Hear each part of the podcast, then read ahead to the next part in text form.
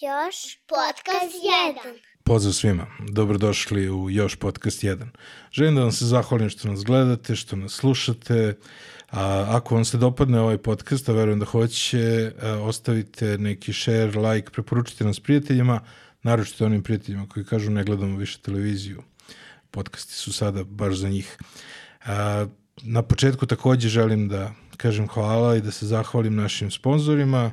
To su Beans Kafa, uz koju razgovaram sa svojim prijateljima, sa svojim gostima. Beans Kafa je način da imate fenomenalni espresso u svojoj kući ili kancelariji, da možete da pričate sa nekim sjajnim ljudima uz espresso.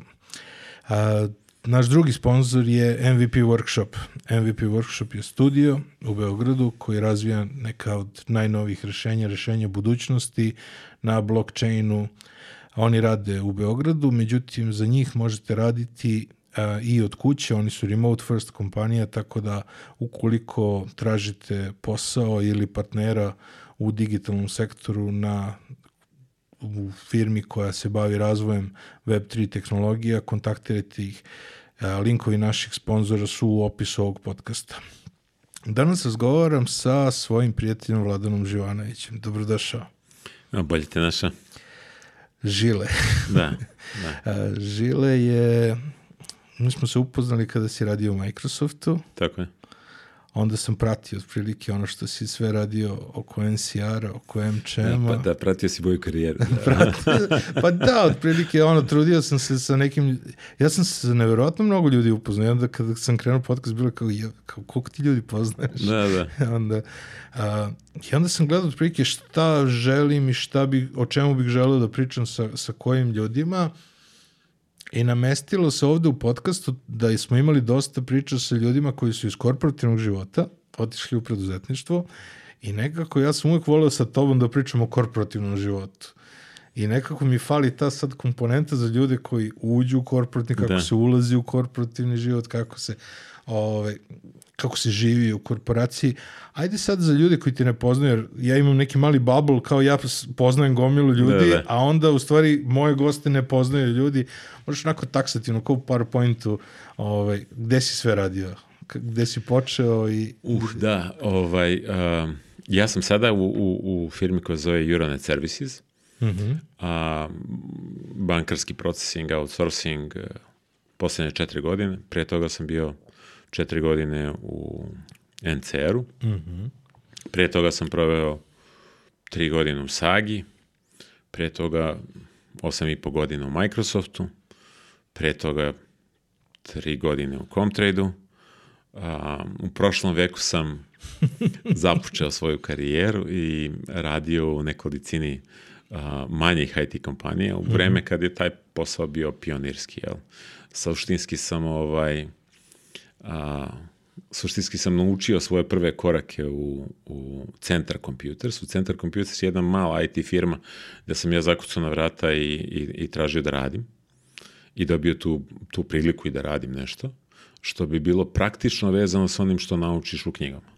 Mhm. A, a posle Centar Computersa je postojala firma koja se zvala Centar Group, posle Centar Grupa je bila Duga Computers, Mhm.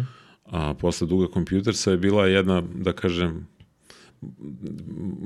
moja epizoda preduzetnička, Aha, a, od par godina gde sam ja pokušavao da uspostavim neki, da kažem, svoj biznis, jer sam bio na neki način zasićen većim kolektivima. Mhm. U to vreme je u mojoj glavi veći kolektiv imao 30-40 ljudi. Aha, aha. Ali objektivno gledano tad i nisu postojali IT firme koje su imale 100 ljudi ili 200 ljudi. Odnosno, recimo da ih je bilo možda možda jedna ili dve u, u tom trenutku da su nekako formirane, a da su baš bile IT IT firme. Da nisu bile inženjerske kuće koje su radile neki deo, ne znam, uh, mašinskog posla ili sarađivajući sa, sa, sa institutima, uh, praktično došli u poziciju da imaju, da imaju malo veći broj angažovanih ljudi. A reci mi školovanje, je li te školovanje pripremilo za posao ili si gomilu stvari učio kroz Pa, rad? rea, realnost kaže ovako, znači, um, moj prvi posao je bio u tehnici totalno. Znači, ja sam bio čovek koji je bio u servisu praktično prve, prvih nekoliko godina. Bio sam ja i kompjuter sami i, i mislio sam da nikad u životu neću raditi sa živim ljudima, jer za Boga kad sedneš preko puta kompjutera, tu nema iznenađenja. jel? Aha. Jer kompjuter zna da poštuje ono što ti njemu kažeš i, i ne može da interpretira to na milion načina itd. itd. I onda taj pragmatični inženjerski posao je u suštini u jednom trenutku bio challenge kada sam praktično u Duga Computersu dobio prvu šansu da radim u, u salesu i marketingu. I ona je bila za mene i za, u tim godinama krajnje atraktivna zbog toga što je finansijska kompenzacija koja mi je ponuđena bila dramatično kvalitetnija od onoga ko, koliko sam zarađivao u tehničkom delu priče. Ne kažem da, sam, da je bilo uh, loše u jednom ili u drugom kontekstu iz jednog prostog razloga što kad imaš 20 plus godina ti nemaš najkvalitetniju svest o tome šta je potrebno, a koliko ti je, mislim, nemaš pravu evaluaciju sobstvenih potreba i onda ti je više atraktivno da ko brže trči, ko, ko lakše nešto uradi, ko brže nešto uradi. Kako bi rekao, nije, nemaš, imaš manje obaveza u životu, pa ti je jednostavno želja da, da nekako budeš uspešniji, ajde da kažeš tako. A postalo tad podala B2B i ostalo? Je to te kasnije Pa došlo? jeste, ali, ali je bila relativno, relativno, kažem, mlada, mlado tržište je bilo u informatičkom smislu. Postojali su veliki stari sistemi, a, Beogradska informatika je bila ogromna, onda ne znam, Kores je bio jaka firma na, na, na, na, na, na našem IT tržištu, a, a ove manje firme su na, tražile svoj prostor na, da kažem, u, u ukupnoj ekonomiji. Ovde uglavnom edukujući korisnike šta je to uh, IT, u kom domenu može da pomogne, koji deo posla može da automatizuje, šta je to što, što dolazi sa tom novom granom industrije. To je tad bila pionirska grana industrije koja je bila kako bi rekao, koja je, koja je praktično u svakom domenu omogućavala mnogo boljitaka i mnogo poboljšanja, ali je nepoverenje bilo dramatično veliko. I onda sad objasni nekome da treba da se napravi, ne znam, računarska mreža i šta to za, uopšte znači i kako mogu ljudi da funkcionišu u, takvo vreme. u tim vremenima je to bilo vrlo pionirski, kako bi rekao. A opet sa druge strane, ja sam bio mlad čovjek, nisam, nisam, mislim, ja sam želeo da naučim praktičnu stranu posla, da kažem. Jedno je kad ti na, na fakultetu ili u, u školi naučiš neke, neke elemente mm, inženjeringa, elektrotehnike i slično, a potpuno je drugačije kad to počneš da praksaš, kad to, kad to stvarno nešto Šta je bio najveći šok?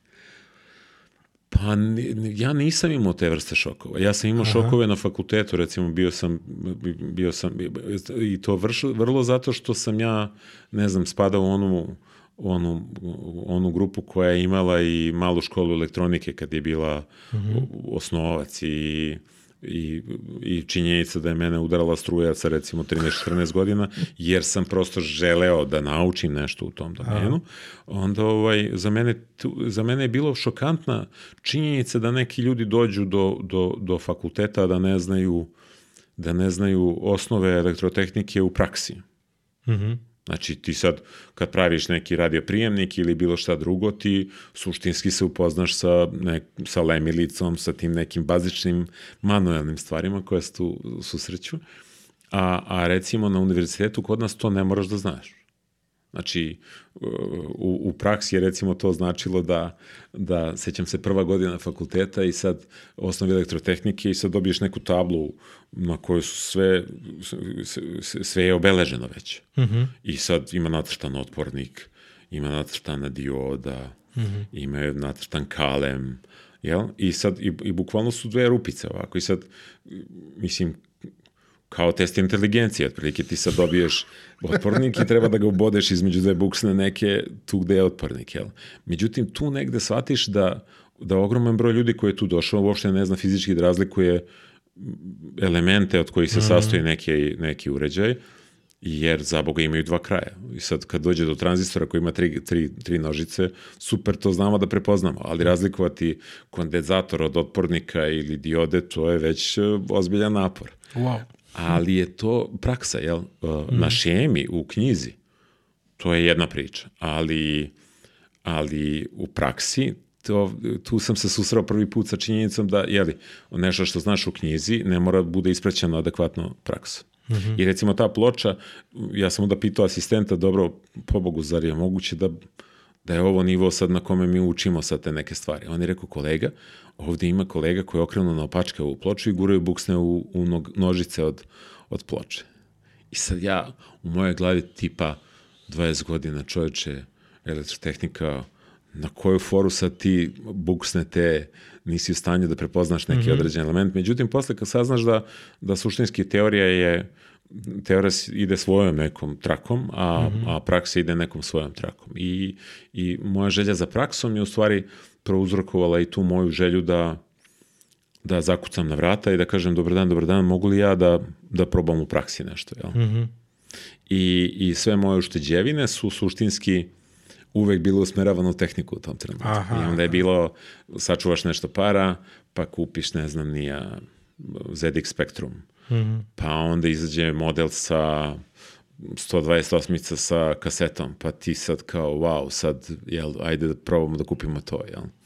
I sećam se famoznog 286, uh, uh, prvi 286 koji sam ja imao je, se zvao čuveni brand Litron iz mm -hmm. Hong Konga, nikad čuo za njega, ali se ovde dobro brendirao i, i verovatno uh, ljudi koji su to prodavali ovde su zarađivali basnoslovno, ali ja u tom trenutku toga nisam bio svestan. On je koštao recimo jednom 2000 dolara. Ja se sećam nešto, da li je bilo kao Herkules ili VGA? Jeste, jeste, da, tako da, je tako je, da. podela Herkules, da, Herkules je bila, da, vidim, većina nas je imala tu taj monohromatski, jel, neku opciju i sad je, mogo si da biraš otprilike opciju da li ti je ekran žut ili ti je zelen, ali suštinski eh, osvetljeni deo da. ekrana možda bude jedna boja i nema više, jel? Da, to je to. I onda je, ovaj, bilo je krajnje, krajnje zanimljivo, jel? Posmatrati te stvari. To je sad interesantno kada se priča na takav način o, o prošlosti i svemu tome. Mislim, ja se sećam prvih nekih obuka za rad na računarima gde jednostavno imaš svoju neku percepciju gde imaš drugačiju percepciju potpuno među ljudima. Ja se sećam prvih nekih kurseva za računare koje sam ja kao pomagao ljudima da rade kao idite mišem na moj kompjuter i oni dignu miše i stave na yes, ekran. Da, znaš. da. Ima, ima sijaset anegdota iz tog vremena. Evo, ja, ja mogu da ti ispričam sad recimo, vrlo interesantno. Centar Group je bila jedna firma koja je u kojoj sam ja, počevši u Centar Computersu kao, kao, kao serviser, ja sam avanzovao tokom nekog vremena i u Centar Grupu postao čovjek koji je vodio tehniku celog. Mm -hmm. A Centar Grup je u tom trenutku vođen od strane dvojice braće Zdravkovića, koji su, by the way, bojice u Švedskoj, ja mislim sada, ako se ne varam. Ovaj, a, konkurisao za reedukaciju, odnosno prekvalifikaciju, to se tako zvalo, Aha. A, tadašnjih kadrova koji su želeli da se zaposle u, u nekom budućem IT-u, nazovimo mm -hmm. to tako. I sad pravimo mi neke kurikulume i ja sam onda uskakao umesto nekih profesora ne bili držao časove, jel? Aha. I to se zvalo, ne znam, nije, osnovi kompjuteristike i takve neke stvari, jel? I sećam se da da smo imali recimo po 600 plus polaznika iz jednog prostog razloga što uh, si dobijao ljude koji su bili na, na, na, na, na, na birovu, na birovu mhm. -huh. koje su hteli da nauče nešto i da je taj jedan set kurseva trajao recimo možda jedno tri meseca ukupno i tokom ta tri meseca oni su se praktično učili onome što bi sad bilo najbliže, um, da kažem, osnovi PC, PC-a, jel? Mm -hmm. plus neki bazično korištenje plus, plus Office, recimo. Aha. Ajde da kažem tako. Neki, neka, neka lagana edukacija. Recimo. To je recimo 93. Mm 90, tako, 93. 94. možda, ne sećam se tačno. I sećam se scene, mi nismo mogli da nađemo dovoljno kvalitetnu, uh, kvalitetan prostor i onda Vladan Zdravković koji je bio, koji, koji je bio fascinantan potpuno kao, kao čovjek koji je završio režiju i elektrotehniku i onda je on imao te neke svoje, kako bi rekao, uh, kreativnosti s obe strane, jel? I onda mi završimo sa rentom, sa, sa, sa zakupom sale na FDU, gde dovodimo sad ove prekvalifikante i sad ja treba da im držim neki čas koji govori bazične stvari o kompjuterima ali bukvalno bazične stvari mm -hmm. o kompjuterima. Sad ja i prolazim kroz neke beleške, pogledam ovako u salu, u sali možda ima 30 ljudi. I sad gledam dalje, posle pet minuta pogledam ovako, sala puna, kao, i sad u tom trenutku shvatiš, čoveče, pa ja sam ovde za klupicom na sceni, a njih 300 plus ima u, Publici. u, u, u publici i, ja, ja, i u to vreme, da, da se razumemo, u to vreme bilo kakva organizacija je kompleksna. Znači, ti moraš nosiš neke silne projektore, neke, mm. čud, neke stvari koje tehnologija nije bila napredna, da kažem. Mm. Logistika je bila vrlo zahtevna. I naravno sve su bili računari PC-evi iz tog doba. Znači, to je bilo kako bi rekao, ja sam imao tehničku podršku od jedno 6-7 ljudi koji su ceo dan fizikalisali, čupali kartice, pa, je- jeli, jer je jer pouzdanost je bila da kažem, na, na, na nižem nivou, ajde da kažem tako. Da, backup i disketa. Pa da, pukne, pa takve neke stvari, da. A, put odatle do Microsoft. Kako je to, kako je to išlo?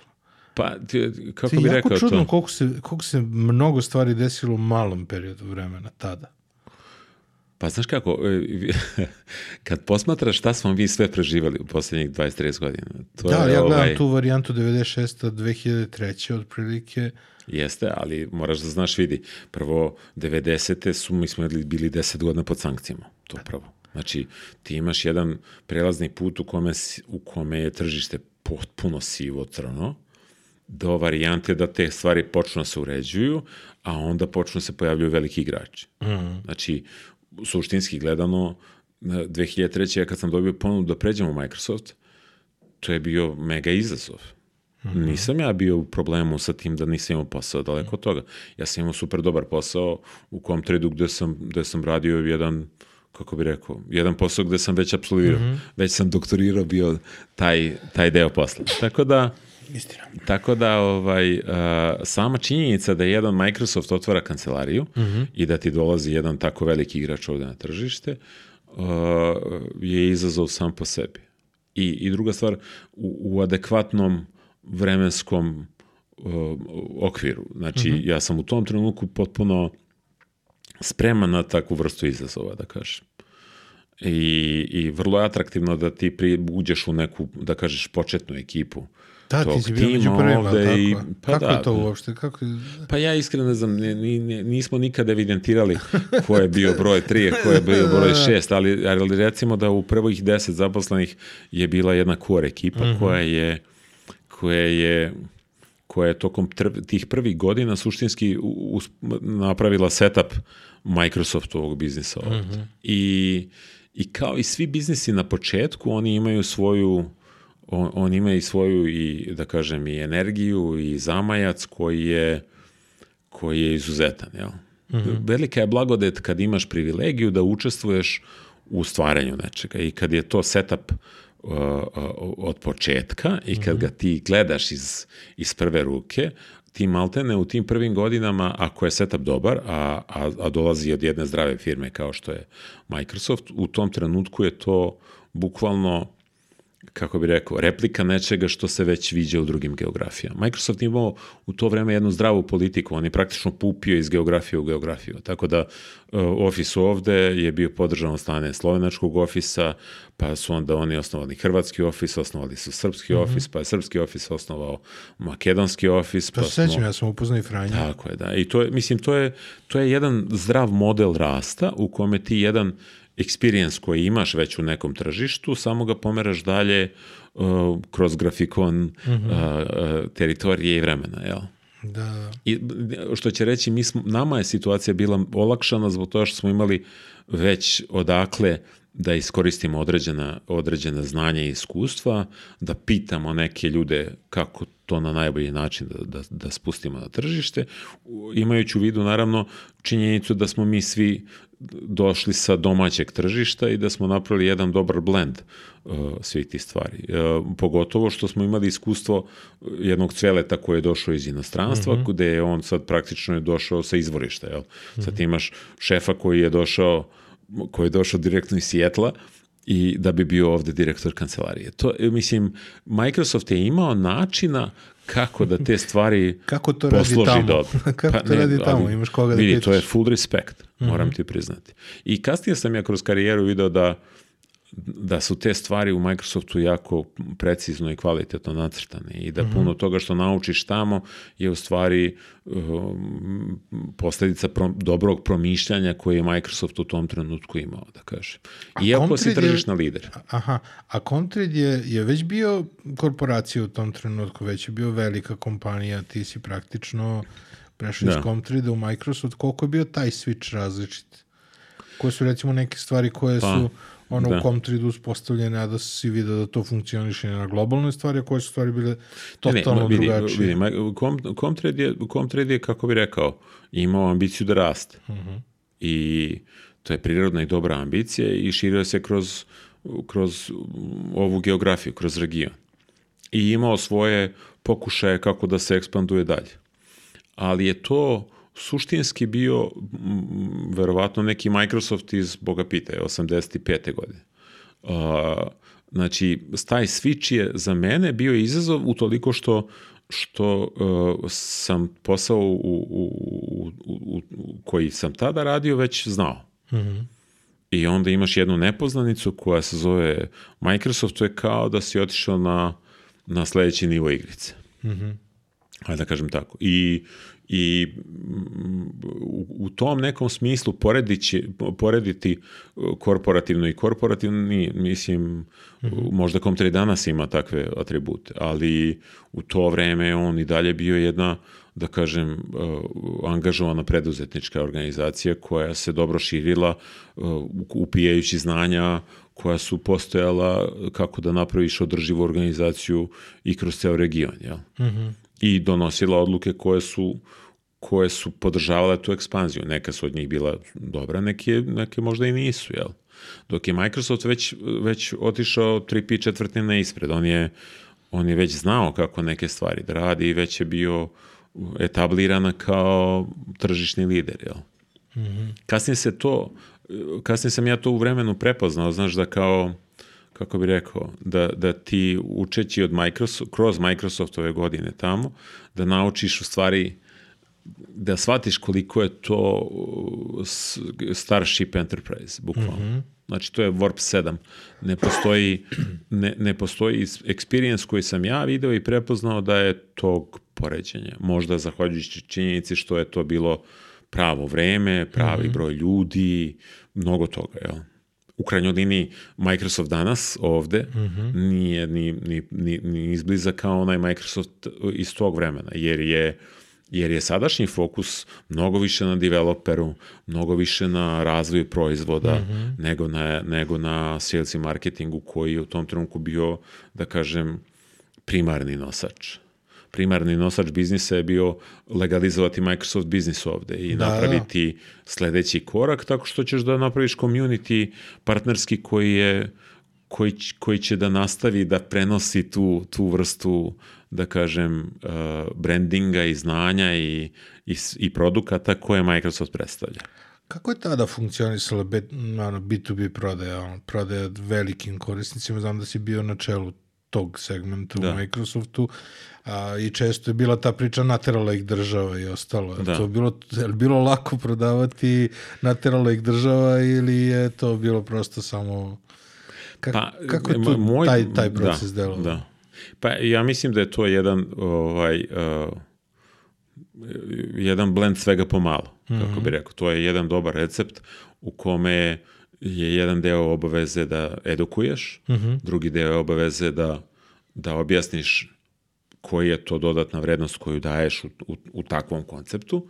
Treći deo je kako da stvoriš mm, ambijent u kome će i oni koji koji se naslanjaju na tvoje proizvode da praktično to, to da to uh, iskoriste kao zamajac za sopstvene proizvode, za sopstvena rešenja i da napraviš jedan ekosistem koji je održiv, koji će na svoju brzinu da doda brzinu lokalnog tržišta i da onda imaš jedan, jedan mehanizam koji, koji radi na jedan zdrav način. I jeste, naravno.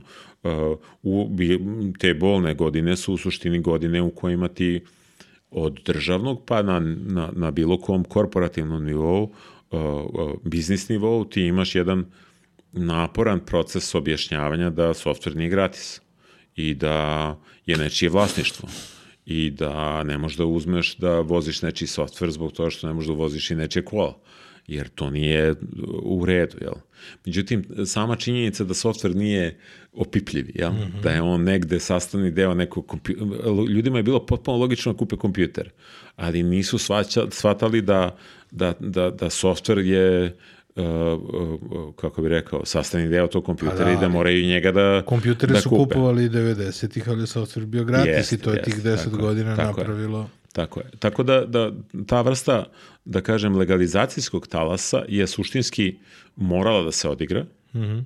Ponekad je bila naporna i teška, u zavisnosti od toga sa kim razgovaraš, to je to ponekad je zna, znalo da bude vrlo izazovno. I u krajnjoj liniji, mislim, tad je svest i na svim nivoima bila relativno, relativno, kažem, uh, u nekom odbranbenom stavu. Mm -hmm. Znači, svi su imali neki odbranbeni stav, tipa nisam bre do, do juče plaćao, šta me sad ti teraš i maltretiraš oko toga. Da ne pričamo o tome da, da bilo kakav reviewing toga, ne znam, software asset management, neke napredne tehnologije, utvrđivanja činjeničnog stanja nisu postojale uopšte. Mislim, postojale su manuelne, ali aha, nisu postojale nikakve te neke, da kažem, naprednije, ne, naprednije mehanizmi koji, koji su već bili prisutni na tržištu, ali nisi mogo lako da ispustiš ovde, da kažem tako.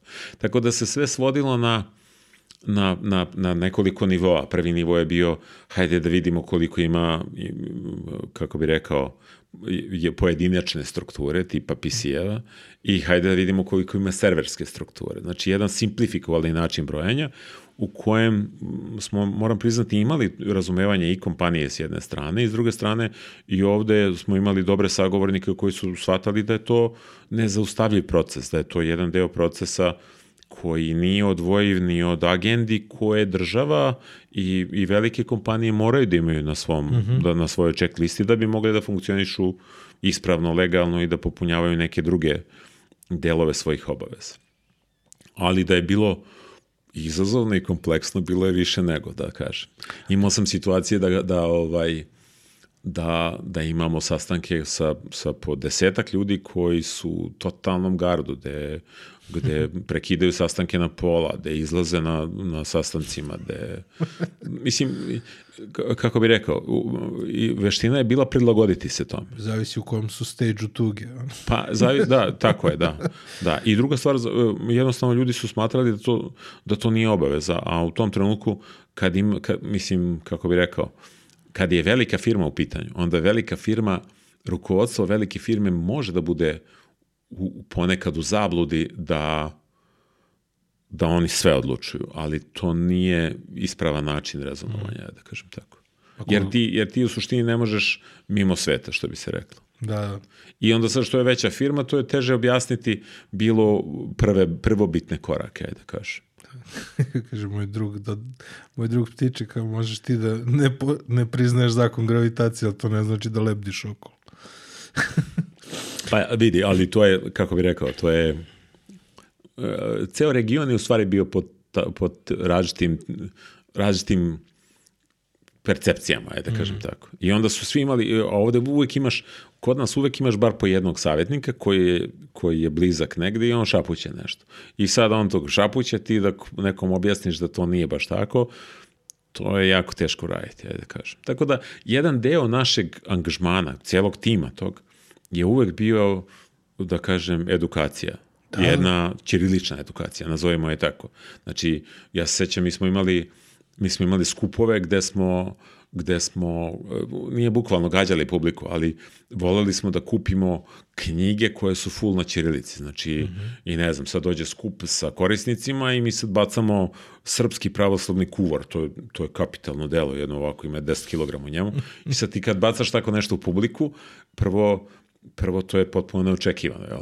I ja, a mi smo, ja se sećam, Nikola Mirčić i ja smo držali te unplugged a, prezentacije gde smo praktično radili a, pitanja i odgovore kroz kroz neku, neku uh, blisku komunikaciju s publikom, a publika je po pravilu dolazila iz, iz tog nekog, da kažem, biznis sektora. Jel? Mm -hmm. I sad u zavisnosti od veličine uh, oni su mogli da pričaju različite stvari, ali smo imali polemike koje su bile brutalne, jel?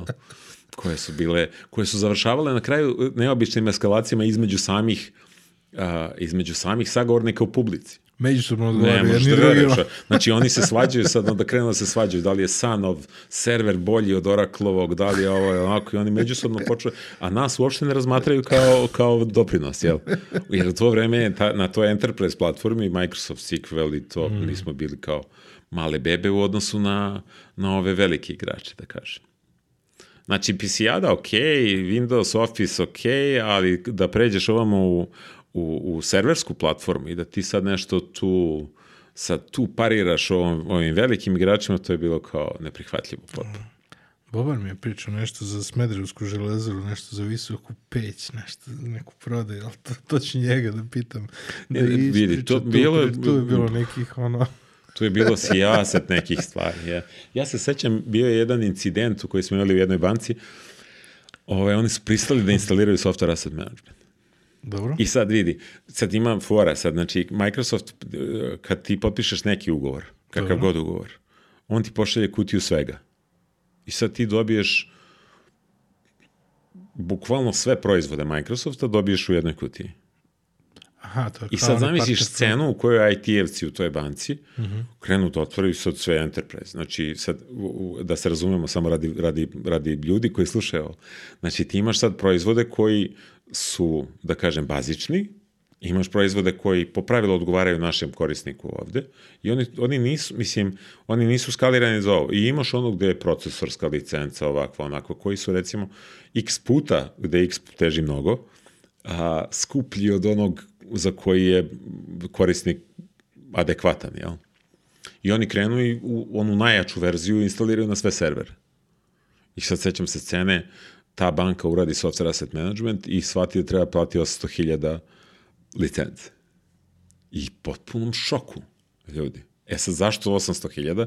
Pa zašto su svuda instalirali procesorske licence koje suštinski treba instalirati na 2000 puta većem korisniku nego što su oni. Mm -hmm. Znači, to možda može tera, ne znam, ni ja, Deutsche Telekom, ali nema blage veze sa, sa bankom ovde koja radi u lokalnom mm -hmm. environment.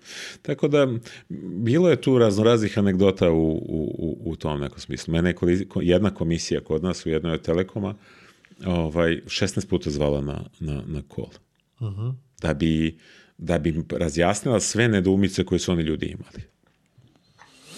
O državnim institucijama ti ne pričam, o državnim institucijama to je bilo po pola dana provedeš unutra objašnjavajući neke, neke stvari jer ljudi nisu uopšte iz branše, kako bi rekao. Da, da. Kod njih je Šok. po ključu prisustvo neko i sad ti da, da približi neku materiju koja je IT bliska nekim ljudima koji su totalni non-IT, to je noćna mora. I za njih i za nas, da se razumemo.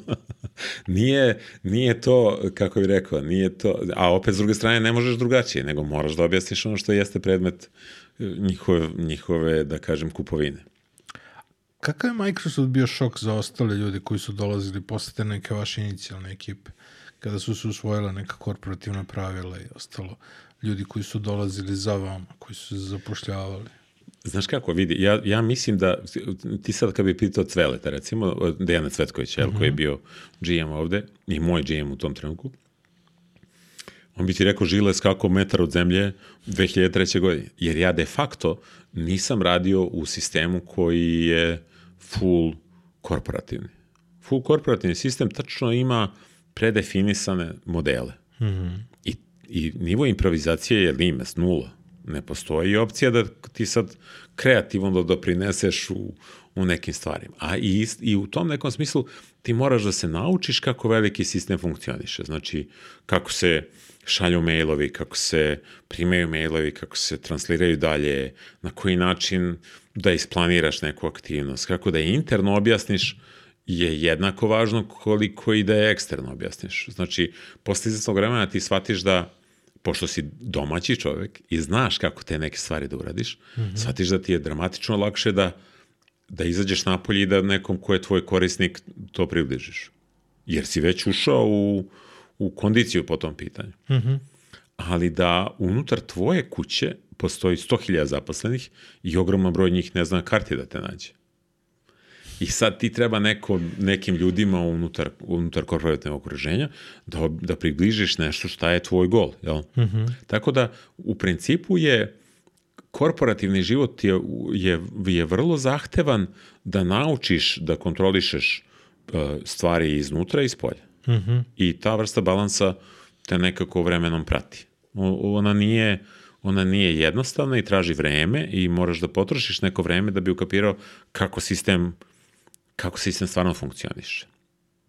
I onda onda je, je slažem se realno gledano ja ja sam ja sam poučen tim iskustvom iz 2003. Mm -hmm. i ja sam suštinski uh, mnogim, mnogim mlađim kolegama pokušavao da, da skratim taj onboarding što je više moguće, da bi se što pre prilagodili onome što se njih očekuje. Jer mi smo imali nekoliko godina jako brzog rasta mm -hmm. i od jedne inicijalne ekipe koja je bila relativno mala, ta ekipa je za relativno mali broj godina postala realno uspešna Uh, uspostavila kancelariju u Makedoniji, u Crnoj Gori, onda su počele nezavisno da funkcionišu, a mi smo naše brojke podigli svake godine smo podizali lestvicu mm -hmm. prilično visoko. Pa da, i onda sa razvojem development centra Kada je uopšte development centar počeo?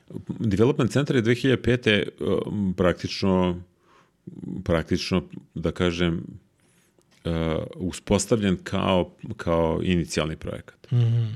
I to je, to je da kažem, uh,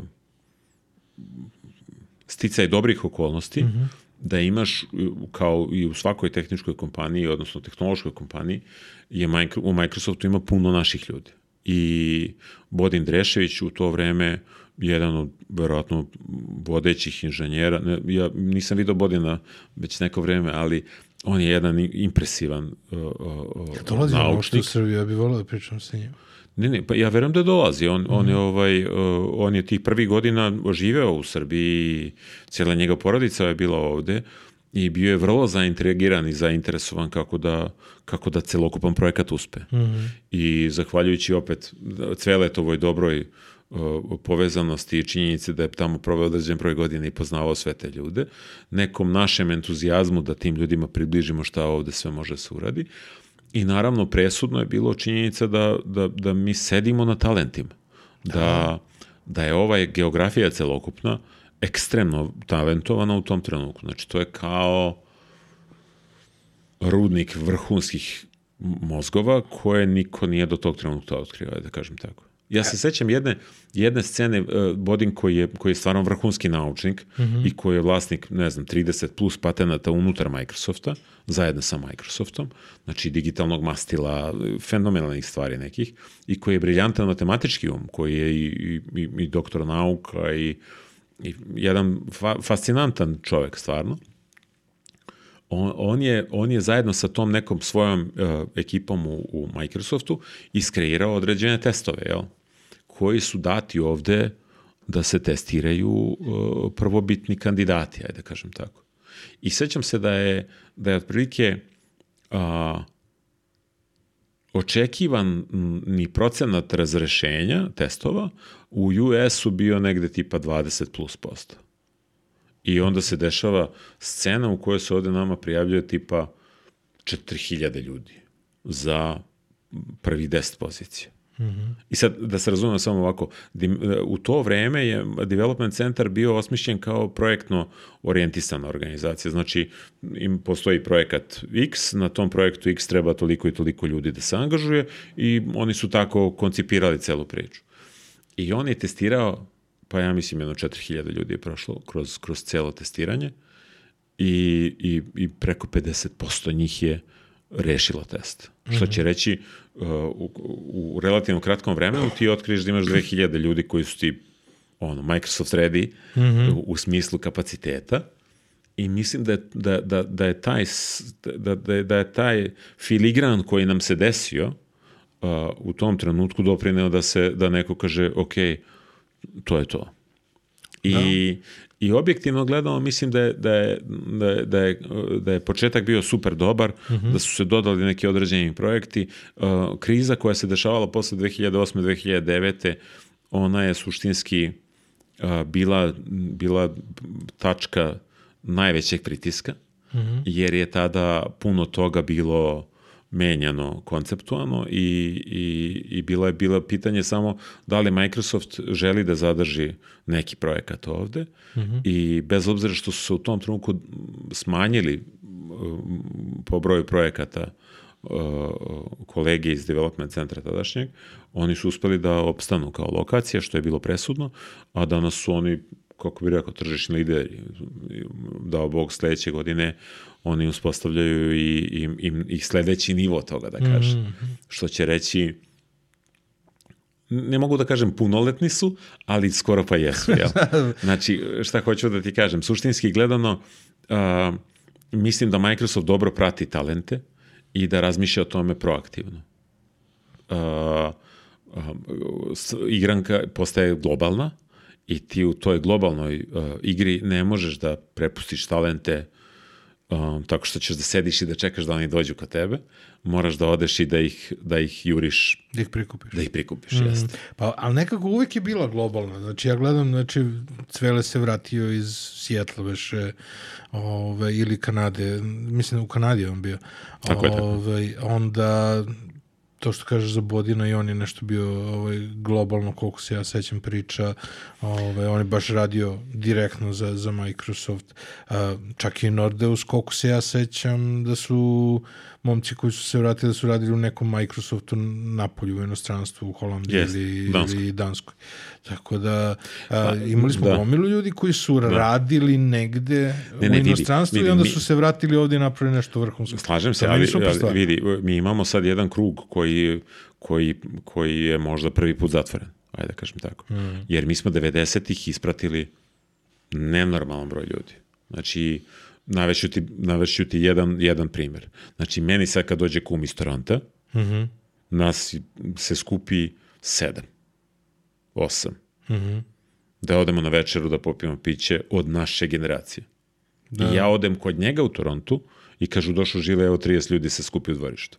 Znači, znaš, taj balans je u, sa mojom generacijom bio drugačiji. Ja, Mi smo izvezli 75% tih ljudi.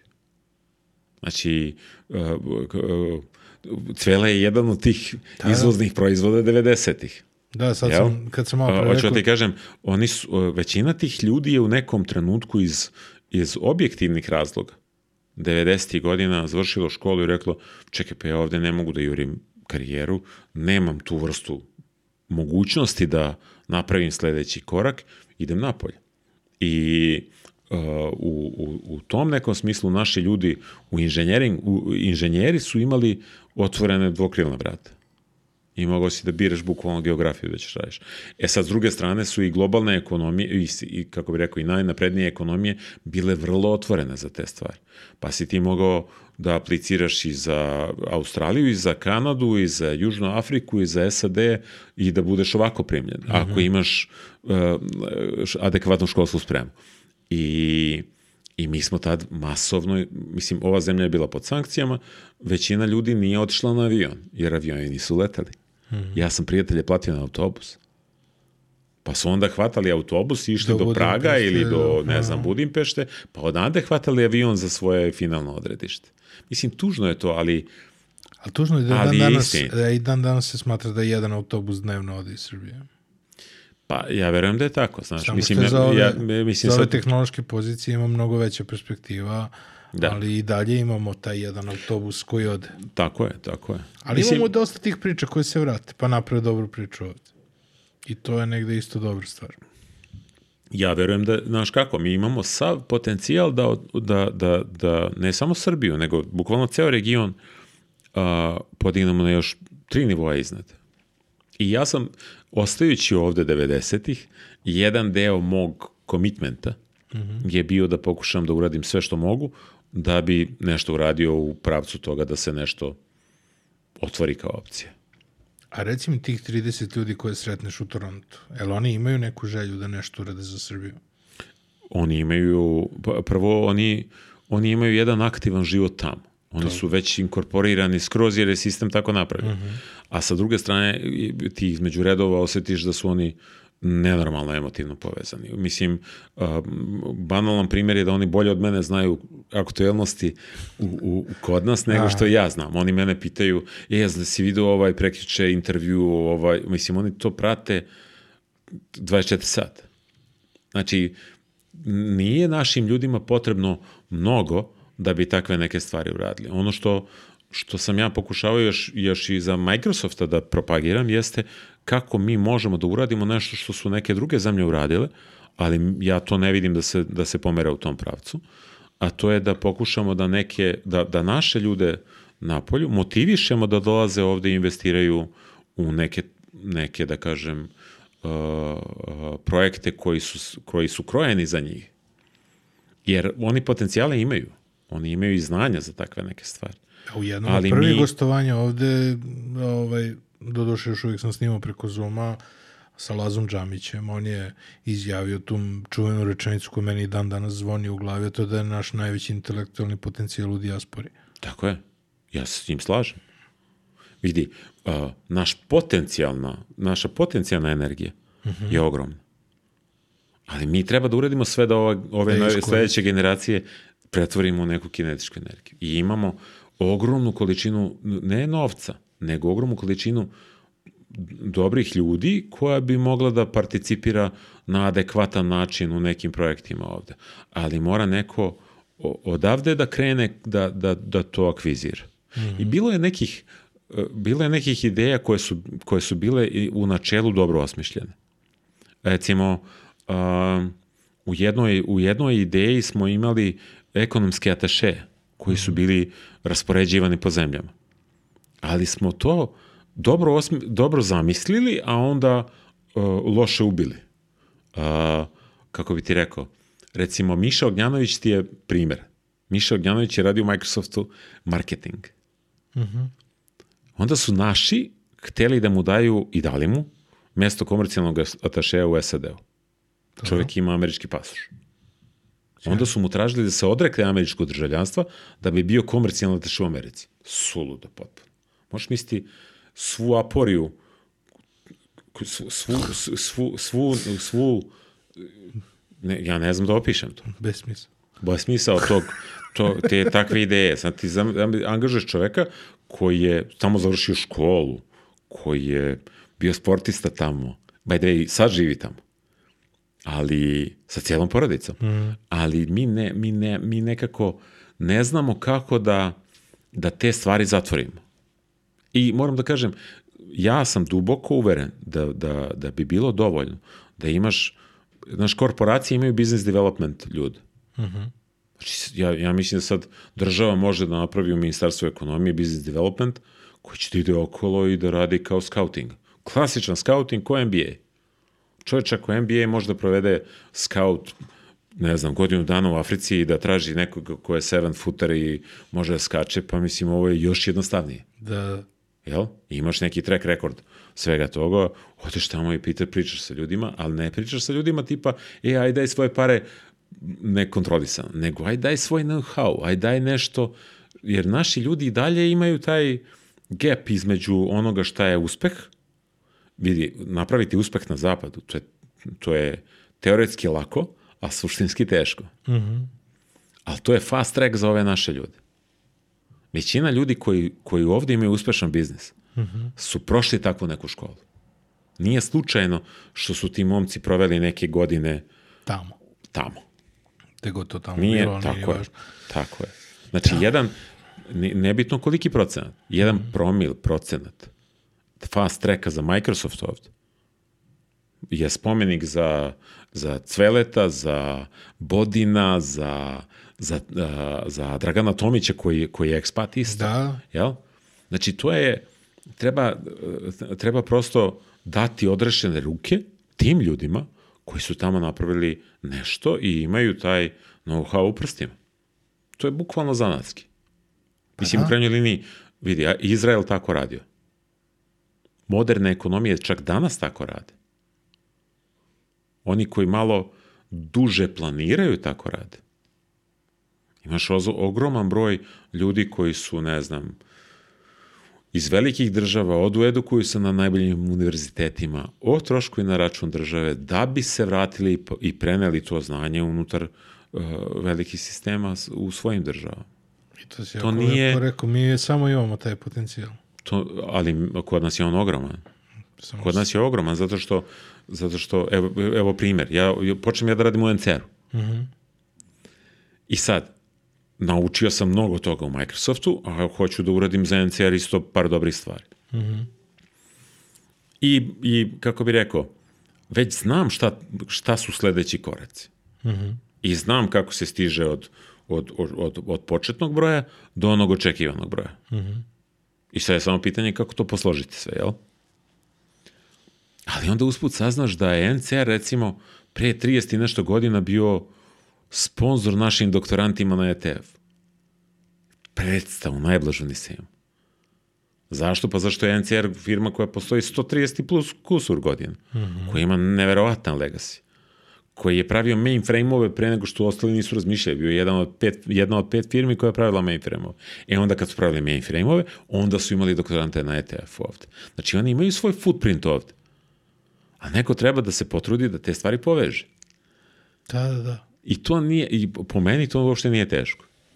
I ja sam to imao prilike da vidim. Je, sticajem okolnosti, ovaj, 2012. godine je, je jedna ekipa, opet uz, uz, uz moju malu pomoć i pomoć nas nekoliko, ovaj, a, i a, tada uz, uz, uz jednu ogromnu podršku Sage i, i domaćeg IT-a je državna jedna ekipa otišla i napravila jedan aj ne mogu da kažem road show, ali posetu praktično svim vodećim IT kompanijama.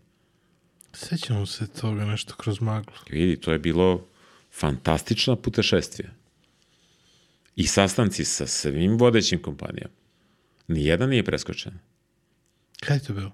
2012. Aha. Uz pomoć američke ambasade, uz jednu fantastičnu pomoć tadašnjeg, tadašnje ekonomske ataše američke ambasade Bradley Harker, Zorica k- koja je, kako bi rekao, uh, Zorica Mihajlović koja je bila praktično prvi čovek iza Bradleya kao pomoć i jedna cijela ekipa ljudi koja je došla iz državnog sektora koji, koji su do, došli kao reprezenti određenih ministarstava.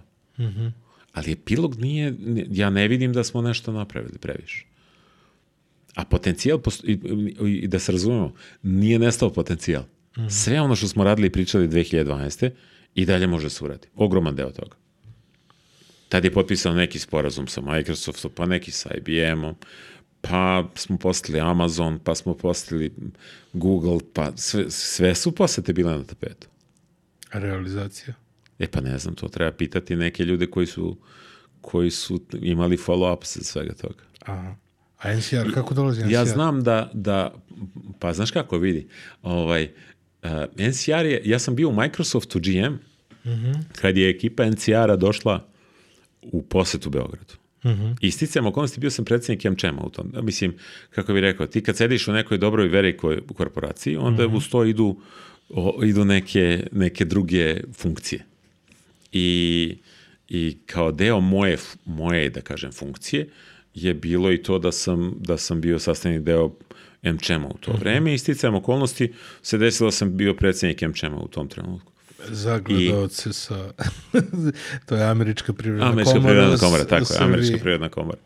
Ovaj, a, I ja sam tada ugostio ekipu iz NCR-a koja je tad meni rekla treba nam pola sata vašeg vremena. I ja sam s njima ostao preko tri sata. Potpuno im otvorio sve što radi Microsoft u smislu organizacije. Evo kako možete logistički, evo kako facility, evo, mislim, bukvalno sam im sve pokazao što Sve sam mogao da im- poslovnih tajni. pa ne, ne, zato što nije, mislim, kako bih rekao, NCR u, u, u domenu onoga što, što radi ovde, nije, vrlo mali deo toga je, se preklapa sa onim što radi Microsoft. Bar u ovom trenutku. Možda će NCR sutra da ima neki development centar koji će biti masivniji, ali ono što je, što je sad fokus i što na, na, na, na, na, na temelju čega je porastao do skoro 4000 zaposlenih je upravo shared servisi. Jel? I u tom trenutku implementacija jedne strategije koje je NCR osmislio tokom tih svih godina tog nekog hub and spoke modela. E sad, a, oni su ostali duže od tri sata i I ja sam verovatno možda 1% doprineo tome da oni na kraju prelome. Jer oni su došli u Beograd zahvaljujući opet preporukama naših ljudi koji su, koji su im rekli morate da odete u Beograd da vidite kako to izgleda. I, i, i, i mislim da je sadašnja potpredsednica uh, Marija Živanović-Smit koja je praktično usmerila tu delegaciju da dođe i do Beograda, oni su tada obilazili nekoliko lokacija po istočnoj Evropi, razmišljajući o tome kako da nasetuju shared servise negde negde gde je lokacijski blizu Evropi, a da je, da je, da kažem, price performance dobar. A, međutim, suština je da suština je da su onda oni na toj checklisti pronašli sve ono što im je bilo potrebno. A da, a da nisu ni morali da tragaju dalje. I suština je da je država u tom trenutku prepoznala da to može da bude dobra varijanta. E sad, repliciranje svih tih stvari je u stvari nešto što je najzahtevnije. To je pod jedan. Pod dva, kako približiti te neke community kod sad su van radara. Jer, jer za sada samo veliki igrači dolaze i funkcionišu na takav način. Ili neko na, što bi mi rekli word of mouth, na nečiju priču ili na neku takvu preporuku, uh, sedne u avion i iz Kalifornije dođe ovde. I onda kad sedneš sa nekim ko radi development u Kaliforniji, onda ti on kaže čoveče, pa ja tamo platim kvadratnu stopu koliko ovde pratim dva kvadratna metra. Onda ode u restoran pa kaže, pa čoveče, ja tamo pojedem jedan biftek, ovde mogu pojedem celu kravu. Pa ti onda kaže, čoveče, pa ja tamo jednog developera dobijem, a ovde imam deset ljudi koji su vrhunski ti je. Ali je, ali je, je naravučenije iz svega toga jeste um, moraš, da, moraš da napraviš iskorak da dovedeš prave ljude i pokažeš im kako to izgleda. A da li je jedini benefit što smo jeftiniji? Ne, ne, ne, ma uopšte nema, vidi, uh, suština uspeha nema nikakve veze sa cenom radne snage. Ona je možda pogrešno interpretirana. A Ili očigledno. Je, pa ja verujem da jer jeste. evo sad ove, ove tri slike koje si napravio, to je jedna krava u odnosu na jedan biftek, uh, ceo tim u odnosu na jednog čoveka, jedna stopa u odnosu Ne, na ne, jedan ja, kvadrat. ja sam, to je de, sve, vidi, ja to sam, je sve samo, cena. ja sam samo ilustrovao, ilustrovao najnapredniju Da, da. sredinu u odnosu na neki naš average. Da, da. Naše okruženje nije ništa lošije od nas. Znači, već je problem nam, namestiti sebe na mapu i izbeći poređenje sa Poljskom, Mađarskom, Rumunijom, Bugarskom, sličnim environmentima, jel? Da, da. i poentirati na onome što je kvalitetno. Jer kvalitet je tu presuda. Kvalitet ljudi koji mogu tu da rade. Mislim, u krajnjoj liniji, uh, ova priča sa rešavanjem testova za Microsoft je možda prava ilustracija. Ili činjenica da Microsoft, evo, će verovatno da ubode veliki flag ovde i da napravi neku, neki veći footprint ovde nego, nego što je, još veći nego što je te, tekući. A tekući je skoro 500 ljudi, ne znam sad tačno, 500 tinjak ljudi već sad development centar ima. I, I u krajnjoj liniji pogledaš kroz vreme. Ti sad imaš jedan Schneider koji se zvao potpuno drugačije, počeo kao startup i sada ima 1000 plus ljudi. Ili imaš jedan Nordeus koji takođe je, kako bi rekao, eksponencijalno porastao do, do ovoga, a to nije, to je, uh, to je dosta dobrih odluka od strane rukovodstva Nordeusa, a sa druge strane i sama činjenica da ovde imaš top talentovane ljude. I, na to se svodi. Da, da, ali, znaš, imaš tu priču sa Nordeusom, imaš priču sa Schneiderom, imaš priču sad sve te velike priče koje se razvijaju i kada se, kada to sve krenulo i kada, kada smo pravili sve one događaje tu negde pred desetak godina i ostalo, često sam imao taj komentar, ne mogu svi da budu programeri. Znaš, i zato je meni NCR bio negde mnogo važan na mapi kada se pojavio i kada Da. krenula cela ta priča, zato što više nije zahtevao programere. Meni su u početku bili e, najsjajnije priče e, gaming kompanije koje su recimo na 300 ljudi imale 50 programera i sve ostalo neki ono umetnici Da, da. ovaj i slično koji su radili stvari za gaming, ali nije bio nije bilo ono kompletna kompanija da su samo programeri kao u outsourcing firmama. I zato mi je NCR bio super primer e, kao e, nova oblast naslonjena na tehnologiju, na development, a opet nije development. I za, e, tu mi je bio onako Da. jedna sjajna priča. Vidi, NCR je upravo egzemplar kako treba razmišljati o tim stvarima. Jer ono što je, kako bi rekao, ono, ono, ono što, je, što je suština jeste da svaki od tih svaki od tih lejera je samo proof of concept za bilo koju drugu priču.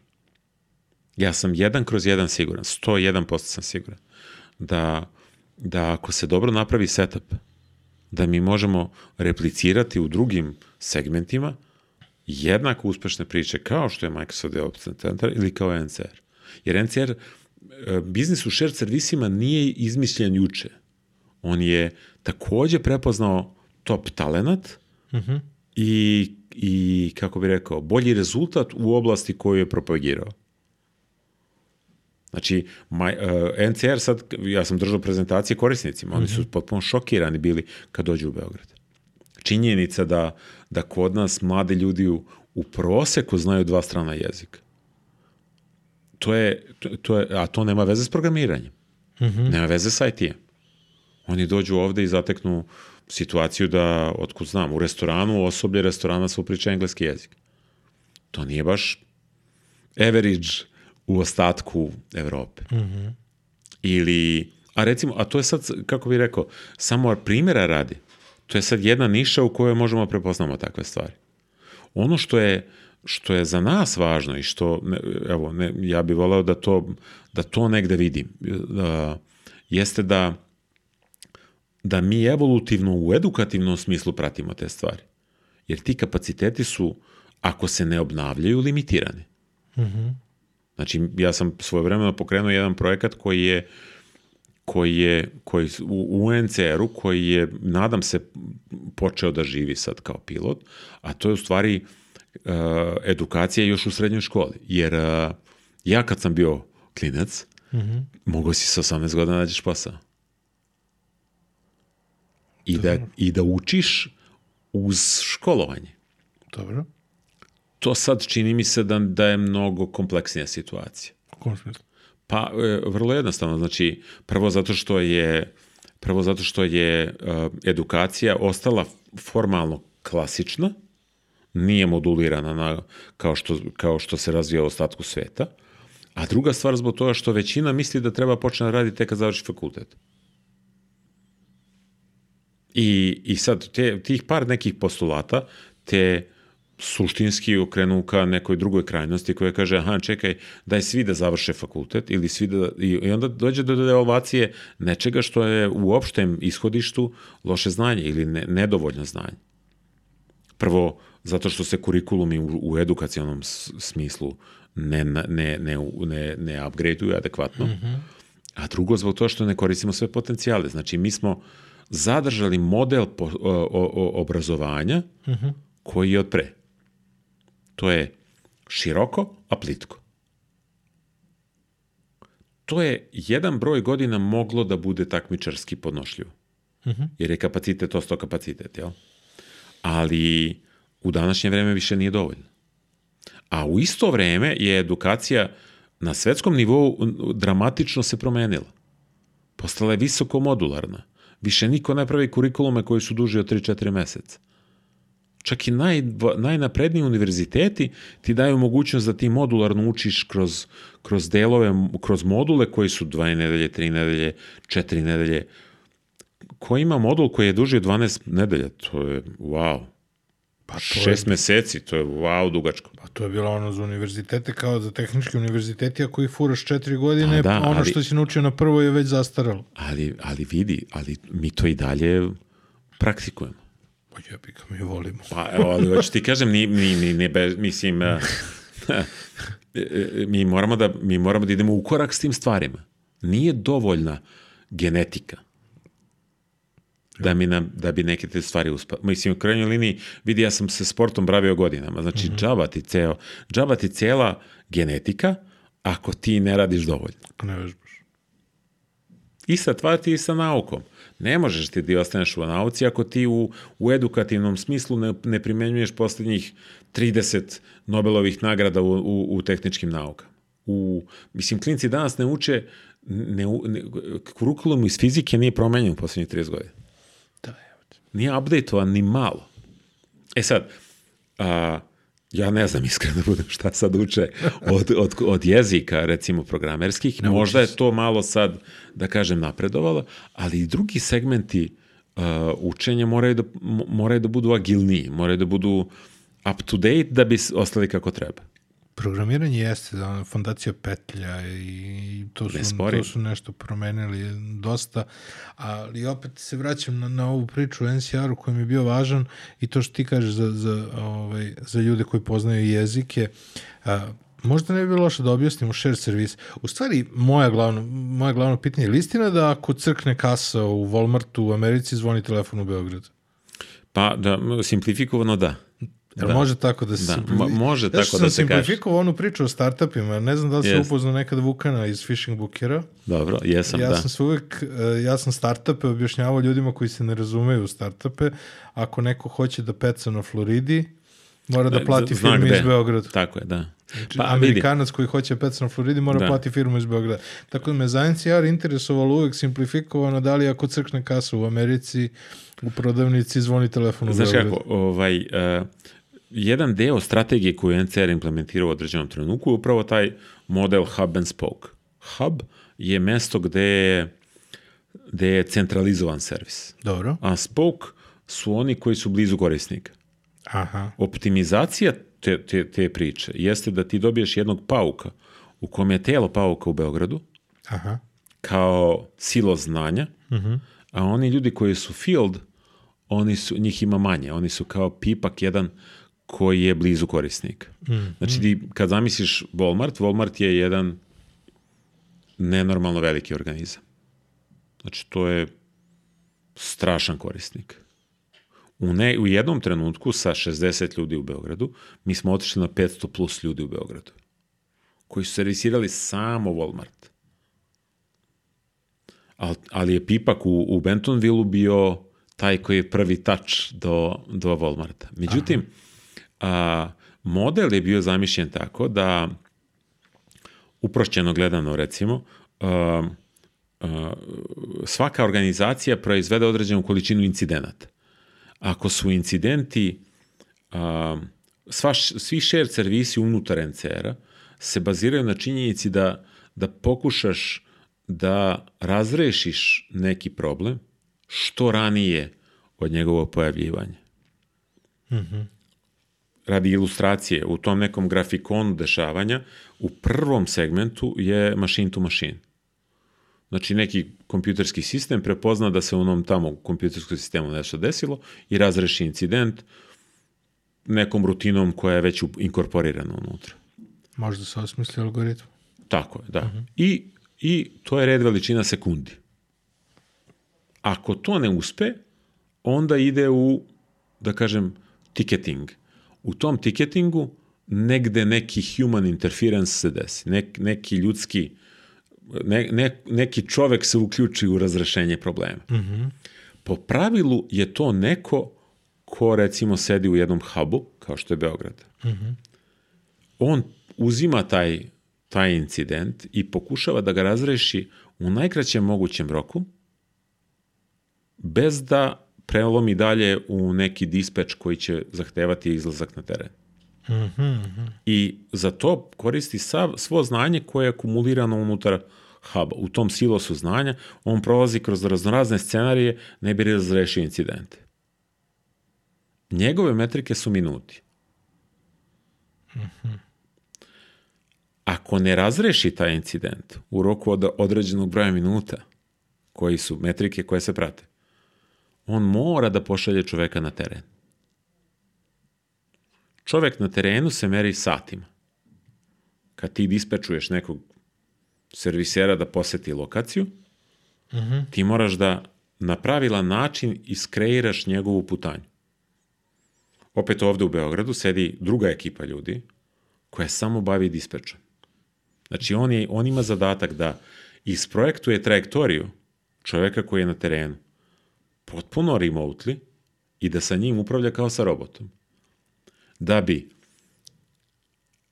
poslao na teren na lokaciju X gde je kvar čoveka koji je pravilno obrazovan, pravilno obučen za razrešavanje problema koji se pojavio, koji ima pretpostavljajuće rezervne delove koji ti trebaju i koji najbliže do tačke prekida. Kad interpolira te tačke, uh -huh. on dobije onog servisera kojeg treba da pošalje. On ima zadatak da na dnevnom nivou prati njegovu trajektoriju, da je optimizuje, tako da on nema gubitak vremena. Praznim A sa druge strane, da, da prati podatke koje mu se traže, uh -huh. da bi da bi da ne bi došao u situaciju da pošalje na lokaciju čoveka koji nema pretpostavljajući deo, na osnovu diagnostike koju radi prethodno, uh -huh. da pošalje čoveka koji se ne razume u to, uh -huh. ili da pošalje čoveka koji je predaleko, ako ima bližak čoveka. To se sve meri satima. Ako incident ne reši u prvoj iteraciji, izgubili smo dan. E sad, zašto je to bitno? U servisima tog tipa mm -hmm. sekundi su dolari. Dobro. Minuti su desetine dolara. Dobro. Sati su stotine dolara. Dobro. Dani su hiljade dolara. I onda sve to Cilj puta sistem. Sva matrika koja se prati je dođi do početka koordinatnog sistema, gde se meri sekundama. Znači, optimizacija sva celokupnog centra koji sad ima 4000 ljudi jeste kako napraviti optimalnu mašinu koja na najbolji mogući optimalan način u najkraćem roku rešava incident kod korisnika. Zato se metrike pažljivo prate i zato moraš da imaš prave ljude koji mogu da komuniciraju. I sad to kad razdeliš u određene lejere, esencijalno je važno ko komunicira, mm -hmm. kako komunicira, s kim komunicira. Jer su korisnici ekstremno osetljivi. Znači ti sad, kako bi rekao, ti sad recimo korisniku iz Holandije ne možeš da staviš čovjeka koji priča engleski lako. Moraš da staviš čovjeka koji priča holandski. Jer finese u tom razgovoru oko diagnostike će zavisiti od tog, te vrste dubine intervjua koji će on imati s njim. Mm. Znači, stvar je ekstremno kompleksnija u odnosu na toj varijante u kojem ja sam se ježio od same pomisli da mi neko kaže call center. Kakav crni call center, čoveč, oni nemaju skriptu. Oni ne rade ništa, mislim, oni imaju skriptu za razrašavanje incidenata, a svaki od tih ljudi raspolaže sa 10 plus tulova sa kojima baratak žonglira u toku dana. Mm. To, to su to, to, su, to, to su više mesečni treninzi da bi neko mogao uopšte da, da klikne kako treba što se toga tiče. Tako da, a to je recimo samo jedan od potencijalnih centara tog tipa. Tog biznisa ima, ja sam držao prezentacije ljudima. Mm -hmm. Znači, s, u shared servisima u trenutku kad sam ja bio NCR, mm -hmm. je radilo tada 6, 6, 6 plus hiljada ljudi. Mm -hmm. Pola u NCR-u u Srbiji. Dobro. U Bugarskoj 25.000 ljudi. U toj industriji. U Češkoj 60.000 ljudi. U Poljskoj 350.000 ljudi. Dobro, Poljska je baš ono... ne, ne, ali vidi, to ti... Te, to, uh, hoću da ti kažem, to je to je addressable market. Da, možemo se ugledamo. I možemo da, znači, da, da ne ponavljamo njihove greške. Znači, sa 6 na 12.000, ovako. I možemo Šta su da ti potrebni dovoljni uslovi? Checklista ti je pet stvari. E sad, onda sam ja tražio pilot. Ok, ajmo u srednju školu tu i tu, da stavimo učenje holandskog i učenje, ne znam, nemačkog. Mm -hmm. Ajde vidimo kako to izgleda. Ne znam da li su postigli to, mm -hmm. ali to su neverovatne prednosti, zato što to praktično podrazumeva da ti sa 18-19 godina možda uđeš u vrhunsku organizaciju, da naučiš vrhunski posao, pa da vidiš onda gde će karijera da te odvede. Ali ti si praktično sa 20-21 godinom već... U korporaciji. Kako bi rekao, ono, znaš, fully geared. A to je ključna prednost. To je ključna prednost, da te neko enabluje mm -hmm. da radiš ono za što, za što već imaš predispozicije. A to mi, mi, mi tu vrstu mi smeča permanentno radimo. Radimo, ajde da naučimo sve glavne gradove. Who cares? Šta, kome to treba, čoveče? Hajde naučimo, ne znam nija, istoriju sveta, isto, mislim, ko, ok, hoćeš da budeš istoričar, fajn, uči to. Ali ta neka empirija, mm -hmm. mi to nekako moramo da konektujemo. Mislim, sad, ne mogu, glupo je reći, ja, ne, ja možda nisam pravi egzemplar, ali ja sam čoveče celu školu moju imao neku praksu. Mm -hmm. Ja predstavu nemam da li, ja, ja mislim da deca danas nemaju mogućnost da provedu mesec dana u nekoj, u nekoj dobroj sredini da vide kako to funkcioniše.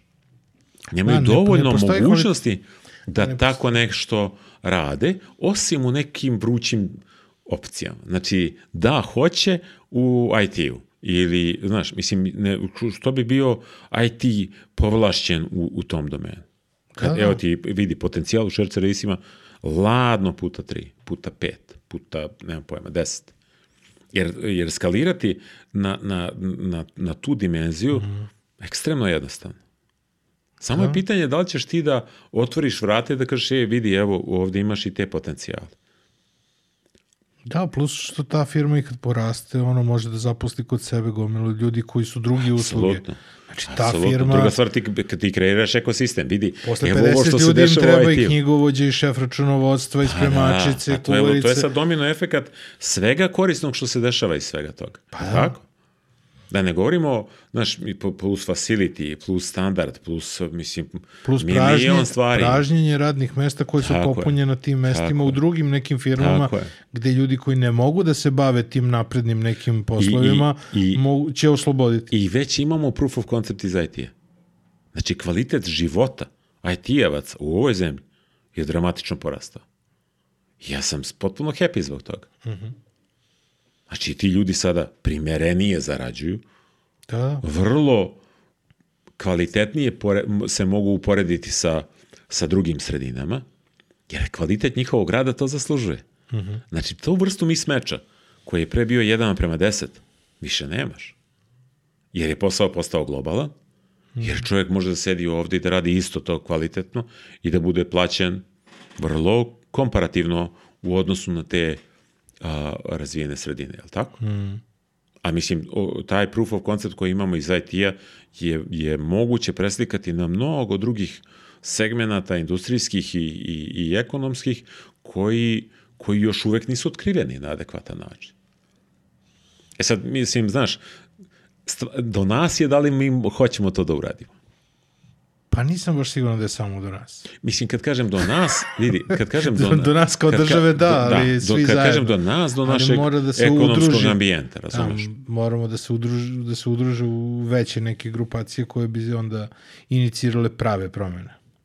Dobro, vidi, to je sad stvar, kako bi rekao, stvar strategije. Mm. I, I ko želi da se bavi tim stvarima. Jer ako je, uh, zato moramo dugo, dugoročnije da planiramo.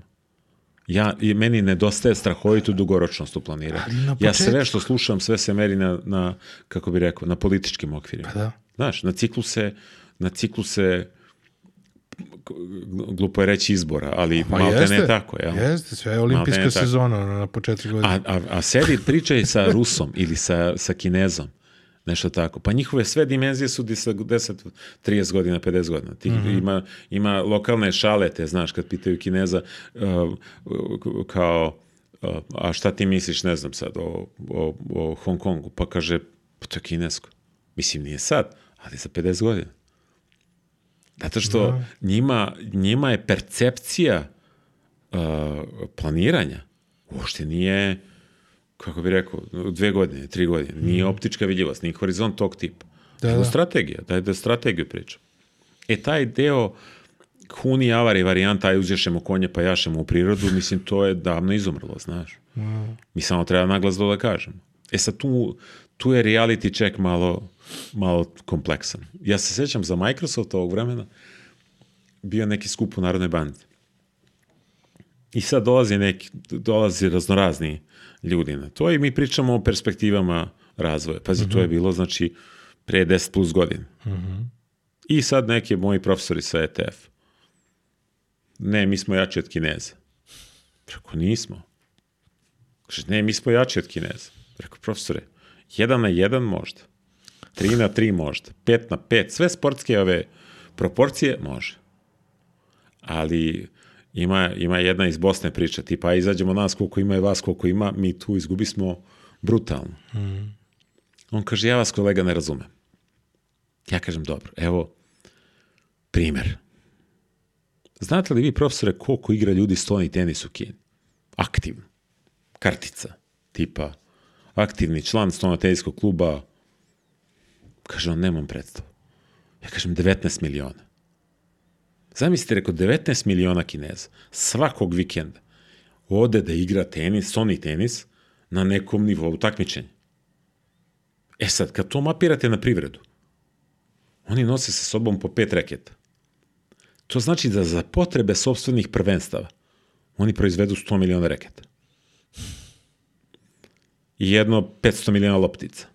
Ili milijardu loptica. Ko zna koliko lopti. I sad, za njih da dodaju koliko nama treba, pa neka, nek se cijela zemlja bavi stojnim tenisom, oni da dodaju taj broj reketa, njima je to pinac. Mi- mi smo To je ko, ono korekcija na zarezu neka. Da, da. Je tako? Mogu svojim viškovima da nas podmiruju. To, e, to mi ne percipiramo. Mi nemamo predstavu najblažu size metar. U takvim stvarima veličina je važna. I ne možeš svaku utakmicu da, da, da, da, da radiš na takav način, nego moraš malo da koristiš mozak.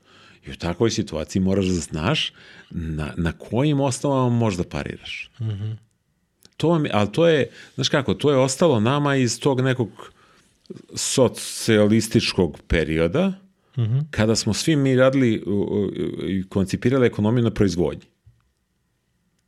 I ja se sećam za fakultetskog vremena. Kad kaže kako se meri produktivnost, pa kaže zavisi koga pitaš. Jer kako bi rekao, Rusi uzmu i naprave 100 miliona cipela. Sve 41 broj. Nema veze što sad 10% stanovništva nosi 41. Who cares? Oni su produktivnost podigli na viši nivo, zbog toga što su proizveli onoliko koliko je potrebno da se zadovolje metrike. To nije, to nije pravi način, jel? Ne možemo mi da pariramo tome. E, to je naš mismatch, kako bi rekao. Tu svako od preduzetnika treba da provede jedan deo svoje karijere u korporaciji da bi razumeo skalu. Pa jako mnogo dobrih priča nastaju kada preduzetnici izađu iz korporacije. Tako je. A znaš zašto? Zato što su oni naučili, naučili su red veličine. Naučili su bukvalno red veličine. Ja sam ljudima, uh, poredeći u oba pravca, koristio jedan empirijski, jedan plastični primer. Ti kad sedneš da voziš brod,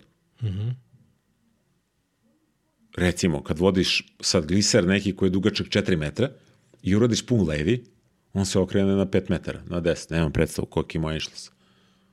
I onda dođeš na USS Nimitz koji ima 411 metara i 3000 mornara, je tako? I ide isto koliko je ovaj gliser. Znači oni i jedan i drugi kad uvate pravac idu 36 čvorova. Stvarno? Pa, more or less, ja. A, dobro. I sad uradiš na onom gliseru pun levi I odmah si i nazad. on se okrene ovako. A na ovom USS snimici uradiš pun levi, čovječ on mora da izađe iz Bokokotorskog zaliva da bi okrenuo. Da bi se vratio unutra, je li tako? Znači on ne može da se okrene čovječe, njemu treba 10 km da napravi pun levi. Ljudi moraju da znaju kako sistem funkcioniše na nekom da, da, različitoj skali. Da, je. E, to te nauči korporacija. Korporacija te nauči šta je veliko. Naučite red veličine kako da poštuješ. Da, i tu ima ta pri, i predvidljiva. A zar to... A kako se onda boriš protiv monotonije u korporaciji?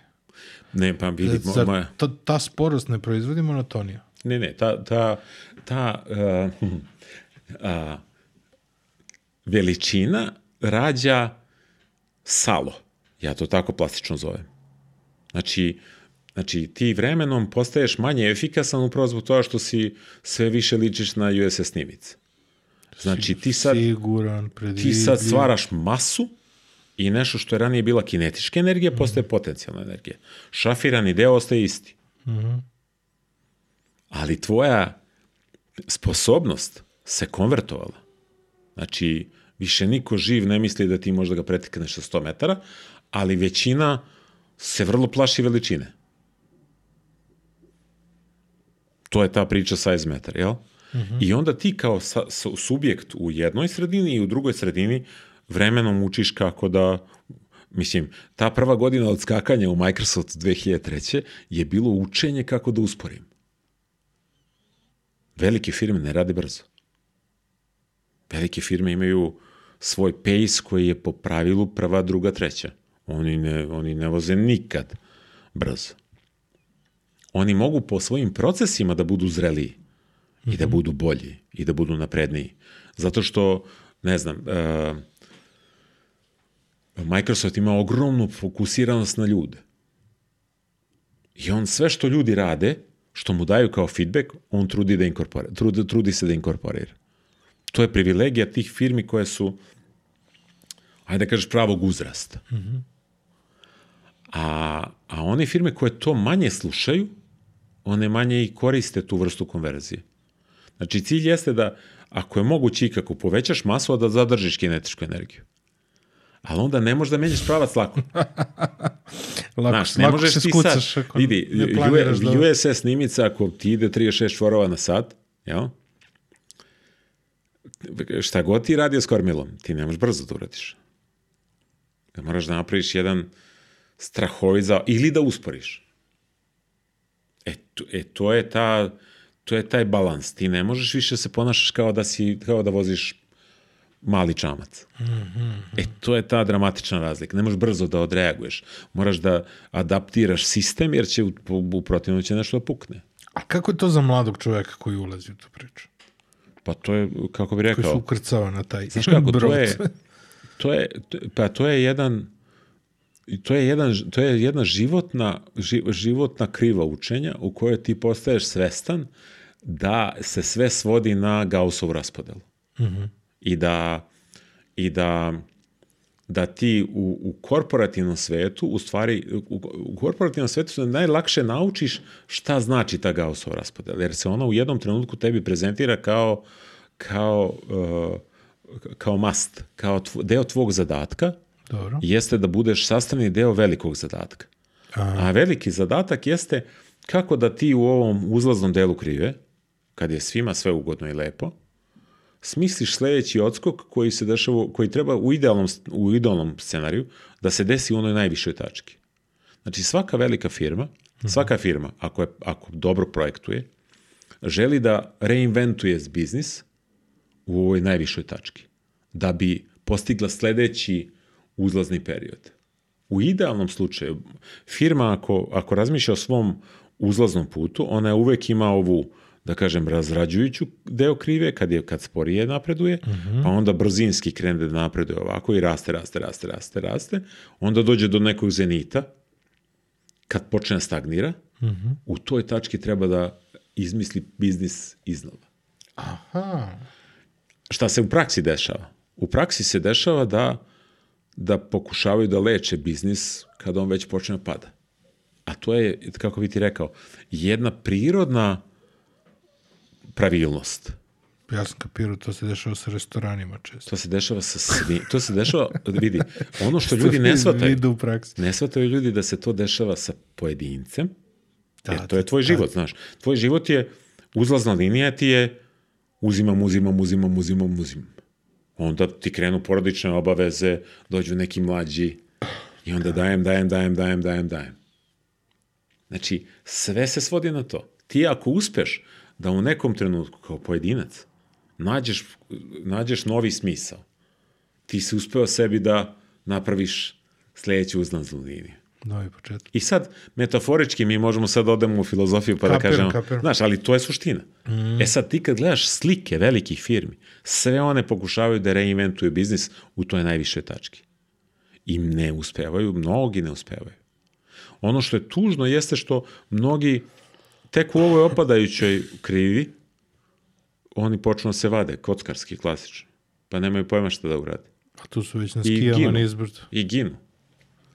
Jel? su već na skijama znaš, nizbrdo. Znaš šta je fora sad? Samo fora je u tome što što ogroman broj ljudi uh, zaboravi te stvari. Što je potpuno interesantno, zato što na ličnom nivou te stvari ne zaboravljaju. Ali na kompanijskom nivou Ljudi zaboravljaju, evo ja sad kad bi, kad bi, kad bi pričao sa ljudima, opet, ok, koje su to vodeće firme koje su postojale u prethodnih 20 godina da su nestale? Znaš koliko ih ima? Ja sam ti, naveo sam ti primjer, recimo, Kores je bio jedna alfa i omega našeg IT-a 90. Sećam se godina. onih prvih novina. Nema, čovječe, ne postoji, nula. Novine, Opa, tuf. Saga je imala 4-5 ljudi u Sava centru, kad je OTC bio, kako bi rekao, IT gigant u to vreme. Zmaj. Zaštitni znak je bio zmaj. E sad vidi, ja sam dovoljno mator da mogu da se setim toga. Ali hoću da ti kažem, ciklusi ti jesu takvi da, da, da mnogi ljudi a, a, ne planiraju i ne razmišljaju dugoročno. Pa shodno tome nemaju znaš, nemaju ni adekvatnu, e, da kažem, edukaciju u tom delu. Nemaju da adekvatnu, pomoć kako da odskoče na sledeći nivo, kako da, šta da im pomogne, jel? E, korpo, zato ti kažem sad, idealno bi bilo kad bi svako kao, kao, kao deo sobstvenog sazrevanja, bar malo iznutra osetio korporativni deo u nekom dobrom ambijentu.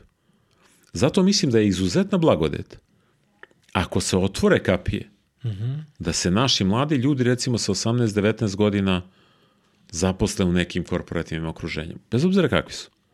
Baš da bi naučili kako te stvari funkcionišu. Jer će onda i njihov preduzetnički model biti zreliji kad ga, kad ga uspostave.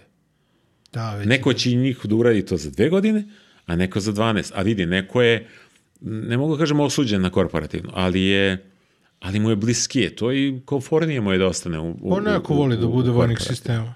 I da se još jednu stvar razumemo, korporacije kao takve, bar one koje razmišljaju o svojim talentovanim ljudima, nalaze načina kako da bar zadrže i shiftuju tu vrstu, da kažem, um, talentovanih ljudi kroz organizaciju. Tako se otvaraju mogućnosti da ti, pogotovo u današnje vreme, u poslednjih deseta godina, imamo sijasat primjera dobrih i vrhunskih ljudi kojima su se otvorale vrata na drugim geografijama. To je neopisivo kvalitetno iskustvo. I ja sam siguran da neki od njih sad kada bi došli, sutra gostovali online, ako, ako mogu, bilo bi krajnje interesantno da, da čujemo tu neku priču koje bi, ne znam, Borko koji je sad u Singapuru ili neko ko je... Borka sam zvao. E pa eto, vidiš. Bor- to- recimo, Borka poznajem. Zato što ti je ta priča će imati potpuno drugačiju patinu. Je tako? Borka sam već zvao, rekao sam mu da mi se javi kad, E, se, pa kad se vrati. Za, za, za tvoje slušalce, ovaj, za naše slušalce, Borko Kovačević je bio član Microsoft tima svoje vremeno i otvorila mu se, mu se vrata da ode u, u Singapur i on je sad vrhunski uh, uh, deo jednog vrhunskog tima u Singapuru. I, I ta opcija je samo pokazala, opet proof of concept, na jednom fantastičnom primjeru, da neko može da bude, uh, da ide tom cik-cak linijom na kvalitetan način. Tako da, nije dovoljno da ti nešto piše u zvezdama, moraš malo se potrudiš da se to stvarno i desi. Dobro, on se uvijek cimo, ja njega znam ceo život. Jeste, jeste, ali je, vidi, ali u nekom trenutku ti treba da se stegneš da kažeš, e vidi, ja, ja želim da probam to isto, a da ostanem u korporativnom okruženju. I daleko. Vrlo Znači, zahtevno. I frka, Vrlo i daleko, zahtevno. i život se menja, porodica se menja. Ima tu i drugih ljudi, znaš, ti sad Da. znaš Borka, ali recimo Zvezdan je bio član delivery tima, odnosno servisa u Microsoftu, nego u Australiji. I dalje u Microsoftu. Čekaj, bio, bio neki Boris, ja sam prvi put imao neku titulu evanđelista. Jeste, da. tako, nešto. Gde je on? A Bongo je tu, ja mislim da je on u Srbiji dalje, a ne znam sad tačno gde je. On je Moram meni isto bio sjajan, on je znao sve, ono, kad dođeš Da, vidi, e, tu, tu si dao dobru i Ali asocijaciju. bio prvi put je imao neku titulu. Ja sam bio ono, kad smo radili dizajn za Microsoft i onda između ostalo su se radili vizit karte Da. i kao evanđelista. Kao čekaj, jel stvarno su poslali ovo da, da, Da, se napiše na vizit karti. E, e, vidiš, to je strašna, strašno važna tačka, vidiš. Microsoft ima, je, je vrhunski napravio model. Kako da, kako da vernike, kako da stvara vernike. To je tako što jednog dobrog jednog dobrog takvog ti konvertuješ u evanđelistu. On je telal, on ide okolo i priča kao tehnološki guru. Međutim, njegova uloga je takva da on nema zadatke drugog tipa. on ima zadatak da preobrati nevernike. Svataš? Znači, to je, ja sam to prvi put vidio u Microsoftu Aha. i ta rola se čak i, i, i nazvala kao evanđelista, kao da je to vera i nevera, znaš, bukvalno tako. I evanđelista ide okolo i on sedi sa nevernicima i objašnjava im koliko su, koliko su grešni, koliko ne znaju i koliko u stvari On je stvarno bio tako. Ali vidi, ali zato, su, zato što je pre, brižljivo su birani. da, tako da. Znači, to su ljudi koji su u stanju da stanu i da, da, da, da drže govor na tu temu. I to nema veze s prodajom. Znaš, to je, Mm. to je, to je duboko u, u, verovanje u, u produkt. I to evanđelisti perfektno rade. Znači, ja, ja sam 100% siguran i to sam čak pokušavao ljudima da približim kao temu ovde par puta. Ja kažem, ajde da nađemo evanđeliste koje će u našoj državi, lokaciji, da pričaju na isti način kao što Microsoftov evanđelista priča o produktu. I pošalješ ih u svet. I platiš im sve to što rade. Razumeš? Znači, ne scout u pravom smislu te reči. Jer scout podrazumeva da ima target kako da dovede nekoga.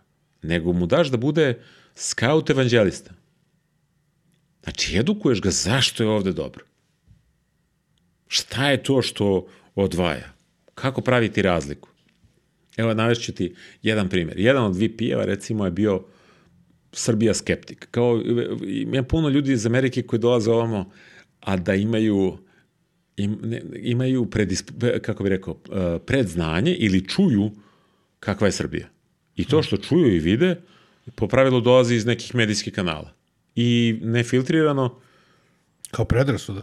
Predrasud. Aha, dobro. Oni misle da smo mi ovakvi ili onakvi, zašto o, fakat je ono što se pojavljuje kroz njihove kanale, Aha, mi smo bad guys. sebi Znaš, mi smo bad guys. I sad ja sam imao scene gde sad ljudi dolaze iz Amerike, slete ovde i drže broj ambasade u džepu. I sad spava u hajatu i kaže, da li je sigurno da pređem preko mosta? Ja kažem, čoveče, ako ne ideš po putu, realno je sigurno. Dobro. U prvo vreme nisam razumeo tu vrstu otklona, ali onda sam shvatio da, da, ljudi, da, da ljudi ne, kako bi rekao, da ne percipiraju ovu zemlju kao nešto što je super dobro, lepo raspoloženo, vrlo edukovano i slično. Znači, naš, naš, naša edukacija tih ljudi, ili da kažemo napor, je do nekle evanđelistički. I onda sam krenuo potpuno drugačijim kolosekom. Onda sam ključne ljude bukvalno edukovao. Znaš, kupiš im na Drini Ćupriju na engleskom, pa mu daš da čita. Mm -hmm. Pa mu kupiš domaće vino, da proba da je poredljivo sa nečim, kako bi rekao, znaš, uh, mi živimo u fikciji da su naši proizvodi ne lošiji, ali da, da, da otprilike oni žive u fikciji da mi ne možemo da pariramo. Mm -hmm. A suštinski mi u svemu tome možemo da pariramo i u književnosti, i u nauci, i sličnim nekim stvarima. Oni ljudi ne znaju za takve neke stvari. Recimo, prezentacija u NCR-u držiš koliko je rimskih imperatora poteklo s ovog prostora. Da smo mi svetski lideri u proizvodnji maline. Ljudi nemaju pojma, blage veze nemaju. To staviš na slajdove. Mm -hmm. I onda, im, onda ih, ne, da kažem, evanđelišeš oko nekih stvari. Da ti daš im Nobelovca našeg da ga čitaju. E sad šta je fora? Moraš da radiš nekoliko lekcija. Znači, prvi evanđelizam mm -hmm. je, prve, prva lekcija je daš mu da ga edukuješ. Mm -hmm. A onda u sledećoj iteraciji ja sam tog VP-a u kola da uživo vidi na Drini Ćupriju. Pravo Višegrad. Pa ga onda pošalješ da spava u hotelu na Jahorini gde su bile olimpijske igre mm -hmm. i vidi, ja sam svoj domaći odradio.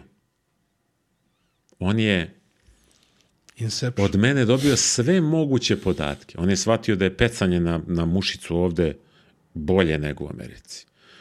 Uh, u epilogu je njegova kćer došla ovde na studentsku razmenu u Niš.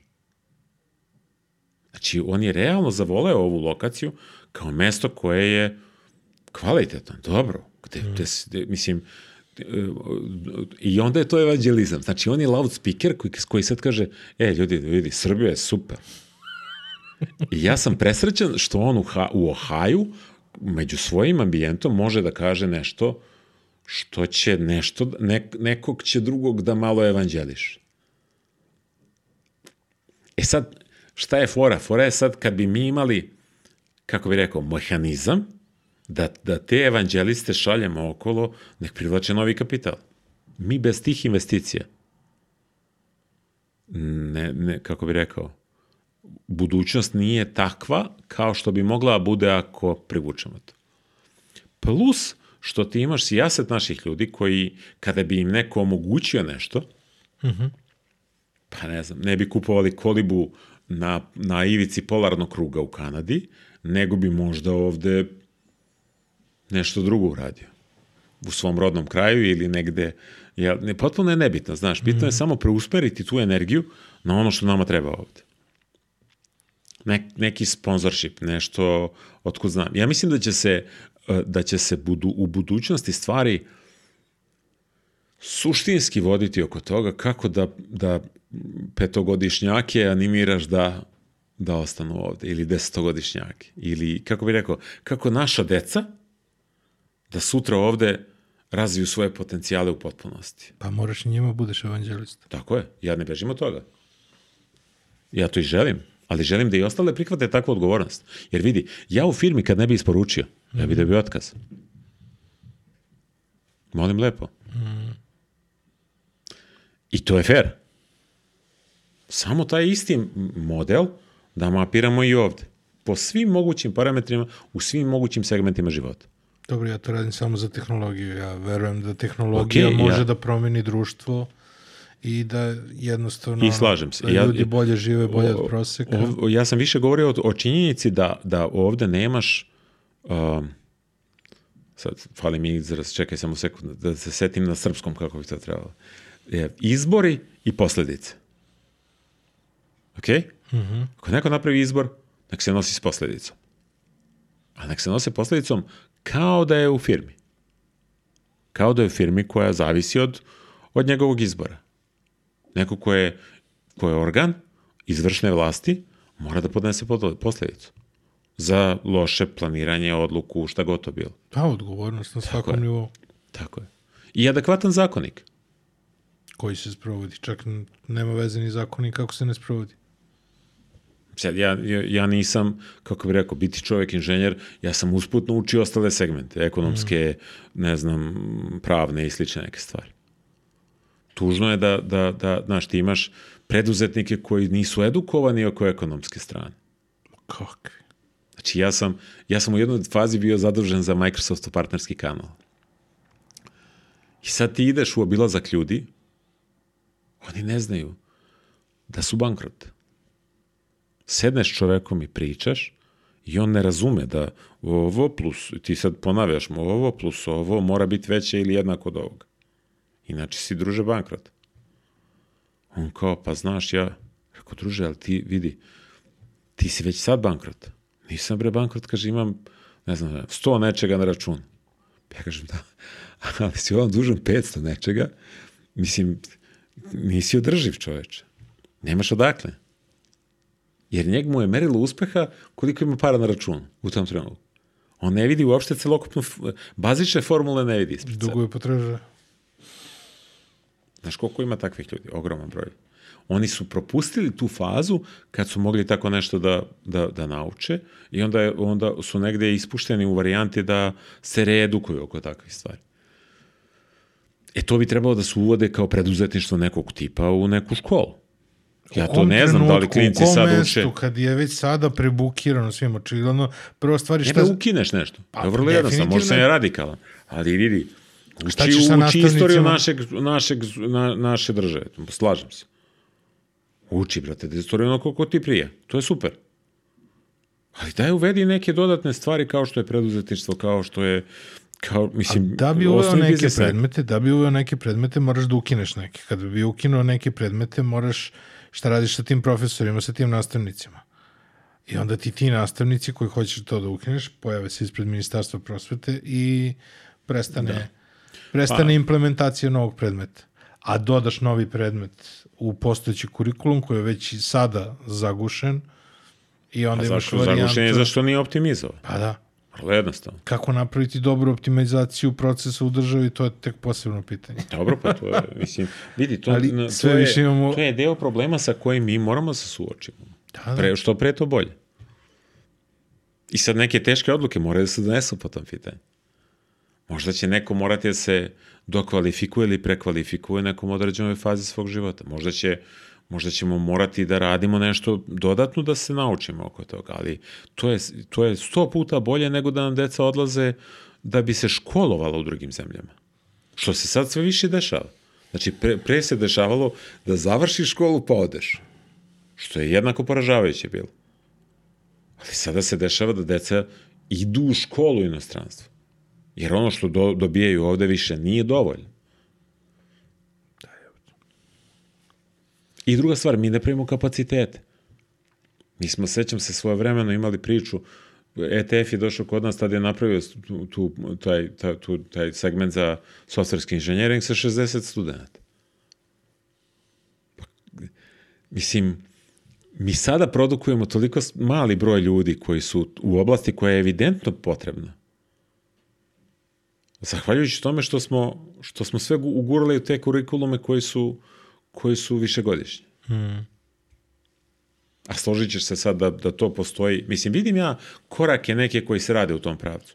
Pa vidjet ćemo oni- sad, 2021. 22. vada treba da izađu prva, prvi klinci iz onih specijalnih srednjih škola ovaj, koji su napravljene kao tehnološke. Ja samo, znaš kako, ja, ja samo vidim sledeću stvar. Ja vidim, uvode se nov, nove, no, novi modeli sa, sa, sa starim premisama. Znači, ajde ucimo široko i plitko. I sad ti imaš informatiku koja se uči na, preko diapozitiva. Ja stvarno mislimo, mislim... Ne, ovaj program sam rekao, mi video, smo- ovaj program sam video 2016. 17. koji je bio i baš sam pričao sa nekim naprednim profesorima ovaj, u srednjim školama i bili su u zonu kao bit će dobar program. Da, dobro, ja, ja, ja poštujem i pozdravljam to 100%. Ali ovo tvoje što si rekao je mnogo za- zanimljivo, da to da ljudi budu spremni i za ostale oblasti već posle srednje škole, da ne bude to samo ovaj, da ne bude to samo IT. Ja mislim da je to suštinski važno. Jeste. Svataš? Jeste, Mislim, ili, ili imaš gimnazijalce koji moraju negde da odu na neki fakultet, ili imaš ono ljude koji su završili zanate, koji su završili zanate zato što nisu mogli da upišu neke ono ovaj, neke četvorogodišnje škole. A opet s druge strane, znaš kako, ovaj, mi ne možemo da, da, da fokusiramo se da svi budu samo, samo IT-evci, mislim, mi moramo prosto naučimo na, da nađemo način kako da napravimo održiva znanja koja su, Da. koja su moderna, koja su aktuelna. Mislim, ne može niko da me ubedi da je poljoprivreda i, i ista kao što je bilo pre. Nije. Nije. Znači, tehnologija dotiče sad svaki segment života. Evo sad imaš gomilu IT-evaca koji se vraćaju u poljoprivredi. Ali hoću da kažem, znaš kako, vidi, tehnologija će tu biti biti e, instrumentalna instrumentalno značajna da bi se dostigao sledeći nivo. Kapiram. I to ne u, u domenu, e, ajde nešto sa što manje rada da mi donese što više novca. To je absurd. To ne postoji. Pa mislim, To je nešto što treba svakom od ovih mladih ljudi danas ponavljati. Mislim, to, to ko hoće da čita može da vidi. Nije, mislim, to je sad Bezos u jednom komentaru napravio relativno skoro. On kaže, da, da, volim taj uspeh preko noći, 10 godina radiš i onda uspeš preko noći. Mislim, to je jedina prava istina. Moraš da budeš vrlo posvećen, vrlo strastan, vrlo fokusiran na to da, će- da će svi ti usponi i padovi da te, da te, da kažem, a, iznova i iznova stimulišu da, da na kraju uspeš. A to je tek to je jedna, to je jedna kako bi rekao, a, mukotrpna borba. Ja sam u, sportu vrlo često pravio ta poređenja. Ne, mislim, imao sam jednog trenera sjajnog kad sam bio klinac. On meni dođe pa kaže, Vladane, hoćeš ti da skačeš 4 metra u dalje? Ja kažem, pa hoću. On kaže, onda moraš da gledaš na 4,5 metra. Ne možeš da skočiš 4 metra ako gledaš na 3 metra. Ne postoji nikakav način. Znači ti moraš stalno da sebe challenge-uješ u određenim stvarima da bi se dopunio. Ja sutra hoću da se bavim lešnikom. Pa ja moram da se edukujem da bi takve neke stvari radio, jel tako? Da, Nije je. dovoljno da ja sad kažem, e vidi, ovo je super, pročitao sam na Google ili ne, pročitao sam članak, ne znam, ni ABC. Možeš prvo svoje vreme da prilagodiš, svoj dan da prilagodiš. Tako je, da. E onda počneš, onda da naučiš, onda počneš znam. da saznaješ neke stvari. Čekaj, pa to je povezano s ovim, pa to je povezano s ovim. Aha, treba mi biznis plan koji je 7 plus godina da bi došlo do roda. Mislim, to su sve detalji koji sve zajedno čine takvu jednu sliku. I oni nisu, i, i oni su i u preduzetničkom sistemu jednako jednako važni i za, za sve ostale industrije kao i za, za ovu, da kažem, IT-esku. Jer je suština u ideji koju ti pratiš, u strasti koju daješ tome i u, u upornosti da se vraćaš tim stvarima. Koje su neke jednostavne stvari koje mogu da se promene u društvu i da, da, da dođe do tih promena brže i jednostavno? Neke stvari koje ne zahtevaju preveliki konsenzus, uh, ne, ne zahtevaju preveliko cimanje da bi došlo do konsenzusa i koje nisu preterano skupe za implementaciju. Uf, to je, znaš, to je sad ovako, deluje kao jednostavno pitanje, a u stvari je vrlo kompleksan odgovor. Znači, uh, ja mislim da, mi, da svako treba prvo pođe od sebe i da vidi šta on stvarno može da doprinese da bi, da bi bilo bolje.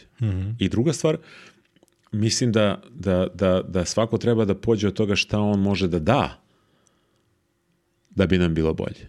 Šta bi mogo da nauči, da bi mogo nešto da da. Može i to da bude iz dvokora. Mi, kako bi ti rekao, davanje je osnov dobrote tog tipa. Znači, ti moraš da naučiš da ne da uzimaš, nego da daješ da bi nam bilo bolje. To, to je jedna stvar. Druga stvar, eh, ja sam držeći raznorazne kurseve i predavanja ljudima, ja sam vrlo često koristio crtane filmove kao, kao, kao motiv. Jer eh, i- iz dva razloga. Prvo zato što eh, deca vole i pojednostavljene priče.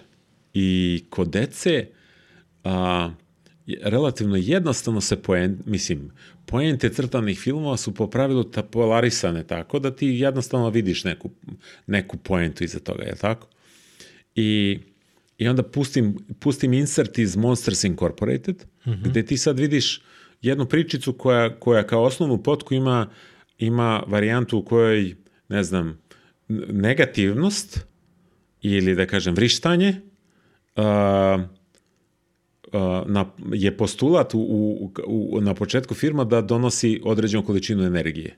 Znači jedna negativna energija i jedan negativan stav donosi određenu količinu energije. Znači ako proizvedemo vrištanje kod dece, onda će i plašimo ih, onda će da im nam se napune baterije u našem čudovišnom svetu.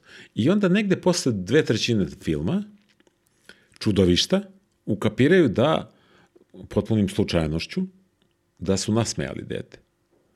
I onda se taj smeh instant napuni bateriju koja je sve vreme bila ono, moraš da ga uplašiš 16 puta da bi napunio bateriju, a onda se to sve konvertuje u jedno smejanje koje napuni bateriju. Simplifikovano gledano, mislim da svako od nas može pozitivnošću i nekim dobrim pristupom ili nekim otvorenim i pozitivnim pristupom da doprinese.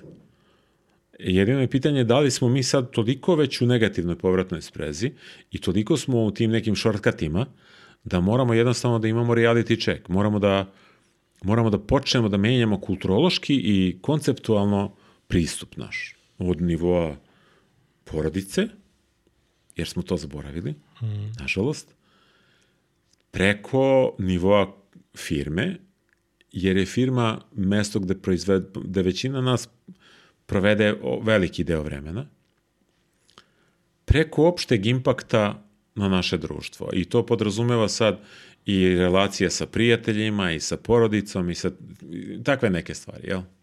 I, neka, i, i outcome nije jednostavan, da se razumemo. Znači, naveo sam ti primer um, okupljanja ljudi u Kanadi i okupljanja ljudi ovde.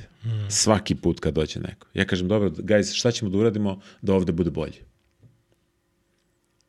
I mi stalno imamo izazov tog tipa. Ka, kako da kako da sebe kao, kao pojedinca, a onda nas kao grupu, motivišemo da nešto, nešto pokrenemo, nešto izmislimo. Ne, ne kažem da smo napravili veliki iskorak, ali samo buđenje svesti o tome mora da na neki način pomogne.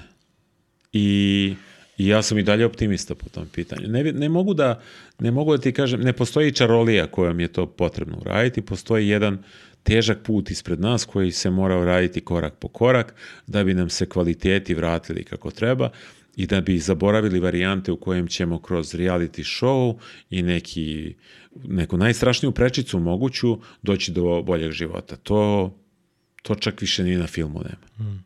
To je, čak sad i akcijni film mora da ima 90 minuta zapleta da bi 91. minuta neko poentirao. Jel? Da. Pre je to možda bilo kako bih rekao, drugačije i jednostavnije, ali mislim da moramo da se vratimo izvornim kvalitetima. Moramo da poštujemo sebe, da poštujemo svoju porodicu, da poštujemo svoj ambijent, da poštujemo svoju državu i da se odnosimo sa poštovanjem prema drugim ljudima. I, i da znamo da svaki taj naš iskorak mora da napravi ne, neki pomak, ajde da kažem tako. Možda kao roditelj to naj, na, tu najviše najviše osjećam pritiska, da kažem jer se iskreno brinem kako će naša deca sutra, šta, šta će za njih biti sledeći izazov. Ne bi volao da ih da se s njima dopisujem preko, preko nekog ekrana ili da imam videokonferens koji sad vidim u, u, u svom okruženju, ajde da kažem tako. Pa mislim, voleo bih kad bih znao da će posle toga da, da se sigurno vraćaju, da je taj neki život ono, globalan pa, da, postao standard da. neki, ali, ali ne bih voleo da su i oni razmišljali o odlasku odavde zato što to, prosto pa, ovde nema tako uslova. Je, tako. I, Evo, i, I da im ne bude sve jedno, znači nije sve jedno. Da, da. Mislim, sad zvuči kao replike iz reklame, da. ali stvarno nije sve jedno. Mi treba da imamo nacionalni identitet i da imamo svest o tome da, koja smo država, ne gradski, građanski identitet, tako ništa drugo. Znači da poštujemo svoje nasledđe, svoju istoriju, svoje takve neke stvari, mm. ajde da kažem. Evo ja javno obećavam da ću ugostiti svakog koji dođu u Beograd ako, ako ih pošalješ ovamo. Vidi, ho, vrlo rado ću ti. Da. I da popričamo. Da, vrlo rado ću da ugostim. O tim nekim dobrim pričama. Ja da. želim prosto, ja mislim da ako širimo dovoljno dobrih priča, da će nove, nove dobre priče da se generišu. E, ja ću sada, vrlo jednostavno ću ti reći, ti si evanđelista. Samom činjenicom da otvaraš mala vrata, u ovom trenutku mala vrata, za mogućnost da se da pričamo o takvim stvarima i da, da. doveš goste koji su koji treba da pričaju o takvim stvarima za mene je privilegija da imam mogućnost da sa tobom sad ovo pričam i da neki ljudi imaju ime, potroše neko vreme da slušaju neku ja, našu priču. A konferencije su bile još bolje, zato što su omogućavale i upoznavanje ljudi i slušanje dobrih priča. Da, o, vidi, ovaj Daš. kontekst nas je nažalost odalje mm. takve varijante, ali s druge strane tehnologija omogućila da sad... povežeš s kim Jest, jest. Ne kažem da je to idealno, Nije, ali je, ali je bolje nego da ne postoji interakcija tog tipa. A opet, s druge strane, mislim da treba da, da budemo vokalni, da bi sadržajima nekim, ako, bi, ako ništa drugo, parirali uh, uh, ovom nekom sadržaju u kojem su nam, u kojoj smo potopljeni. Mm. Ja ne mislim da je, da je, da je taj fast food varijanta koju smo uvezli sa zapada da je dobra a, upravo obrnuto. Jel? Možda nas dvojica korpulentnih znamo šta je slow food i, i shodno tome ja mislim da treba da razmišljamo o koracima, da planiramo, da se borimo, jer, jer, jer u vremenskim okvirima radi se o, o onim kineskih 50 ili 100 da. godina, da nešto posle nas ostane neki legacy koji će neko da prati. I taj footprint ako je dobar, onda će onda će i budućnostima, budućim generacijama ajde, da, bar malo biti lakše. Mislim da je super za, da ovim završimo. I istrošio si sva pitanja, A, vidim sad ovde, pa čekirao si kraj. Čeki, štikli, ne, ne, samo sam stavio još jednu tačku da zapišem šalim sebi. Se, šalim se, to pozivanje. Apropo a, pozivanja, ovaj, mislim da će ti to biti vrlo dobra opcija uh mhm. -huh. i volio bi da odslušam, odgledam podcast sutra da, da dođe jedan Borko iz Singapura da se uloguje mm. onda kad je vremenska uh, distanca njemu adekvatna ili ne, neki nisam, od, nisam neko u fazonu više snimanja, ali sam mu rekao kad dođe sledeći put za Srbiju da mi se javi pa, da Pa je recimo takva stvar, buk, ali... Bukvalno sam u fazonu da, da tako jednostavno ljudi znaju i da onda jeste, kad vidi, dolaze za Beograd, ej, da. čao se stižem, možemo da snimimo nešto tako, i tako. tako, tako da, Većina tih ljudi jeste raspoložena da nešto podeli da, oko toga. I, I imaju nevjerovatne iskustva. I, I ta iskustva su stvari dragocena. Ja mislim da to ne, ne može niko da, da prebaci dalje. Pa da, ja i sad radim sa, sa gomilom nekih ljudi koji su po celom svetu i onda kad dođu uvek, ono, kao, aj se vidimo i tako. Naj, najslađe bi bilo kad bi mogli da im uvalimo da budu mentori mlađim generacijama i da im onda svakog od nas povežemo sa, znaš, svakog od nekih omladinaca, omladinki povežemo sa nekim od naših ljudi koji su već napravili taj iskorak više. Jer ta vrsta, mislim, ja mladim ljudima sugerišem, sejte u avion, idite 5 dana, 5 dana, upoznajte druge kulture, vidite kako te stvari izgledaju. Jer ljudi ne znaju i, i dalje ne znaju, ne putuju dovoljno. Putovanje je esencijalno važno za, za, za neke spoznaje. Da. Tim pre, što, tim pre što skoro niko više ne gleda dokumentarni program kako treba, niti ga, niti ga prati u onoj meri u kojoj bi moglo da bude. Iako postoji sadržaj koji su super dobri po tom pitanju. Da, ali imamo srednjoškolske neke preduzetnike, imamo srednjoškolske, verovatno još uvijek postoje urednici nekih ono, da li školskih web sajtova, da li su, ono, da li postoje još uvijek školski listovi, ne znam, ti ljudi ne. mogu da budu povezani još u srednjoj školi sa našim ljudima koji su širom sveta, koji imaju fenomenalne iskustva. Koliko bi to ono ubrzalo vidi, njihove vidi, karijere? Potpuno se slažem s tobom. Jedino što je problem u tome što mi, kako bih rekao, mi ubrzavamo jako, jako mnogo. Ishodno to, mislim, vidi, i ovo sa edukacijom i, i, i, i, i, i to, kako bih rekao, građanje kratkih kurikuluma, je u suštini posledica brzine u kojoj živimo. I ta brzina je sve veća i veća. Mm. Kao nus pojava koja se meni strašno ne dopada je tamo sama činjenica što se odvajamo od, od čitanja, od knjiga, od sadržaja koji su i ole kompleksniji i, i veći, mm. da kažem tako. I to se primećuje sad već dramatično. Znači, neki dan sam video reklamu za aplikaciju koja ti čita sa žetke knjige. Šok A, program. da, Blink. Znači, ja, ne, ja, ja mislim, ne mogu da verujem da sad neko, neko pravi biznis od toga što ti digest uradi na, na dve strane nečega što je, što je ozbiljno štivo. Pogotovo, pogotovo, kako bi ti rekao, ne, nešto što je sadržan, što je filozofski, što je... A to je adaptacija vremenu. True, true. Ali opet s druge strane, znaš, Mislim, svako od nas ko je, ko je gradio karijeru u menadžmentu, on, on, on je, ja poslednjih 15-20 godina nisam pročitao ni jednu inženjersku knjigu. Što bi mene, kad mene pitaju, ja kažem, ja, ni jed, ja liniju koda sam napisao poslednji put u prošlom veku. Ja znam to, ali nisam napisao u ovom veku. Ja sam, ja u poslednjih 15 godina čitam psihologiju, psih, sociologiju, taj, nešto što se iz društvenih nauka. Imam čak prijatelja koji je koji je IT-evac vrhunski i par excellence, on je upisao psihologiju varedno u 50. godine života. Ja sam prvo mislio da se šali, on je, on je, on je mi je pričao dogodoštine i anegdote da kad se pojavi na fakultetu većina ovih studenta, čak i varednih, misli da je on neki ubačeni strani element, da je poslali ga profesor i ne znam nija tako nešto, jer, jer čovek je pre preozbiljan i pre, previše godina ima da bi vanredno studirao tako nešto. Ali on želi sebe da kompletira u toj oblasti. Formalno želi da se, da se kompletira u toj oblasti. Jer je, jer je u IT-u ispucao sve velike targete koje mogo da ima. Mm -hmm. I razumem ga, potpuno ga razumem. Zato što je meni porivao, ovoliko sam blizu toga.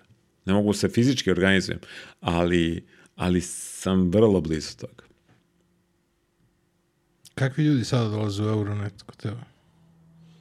Pa znaš kako, Euronet je... Euronet, Euronet je... kako?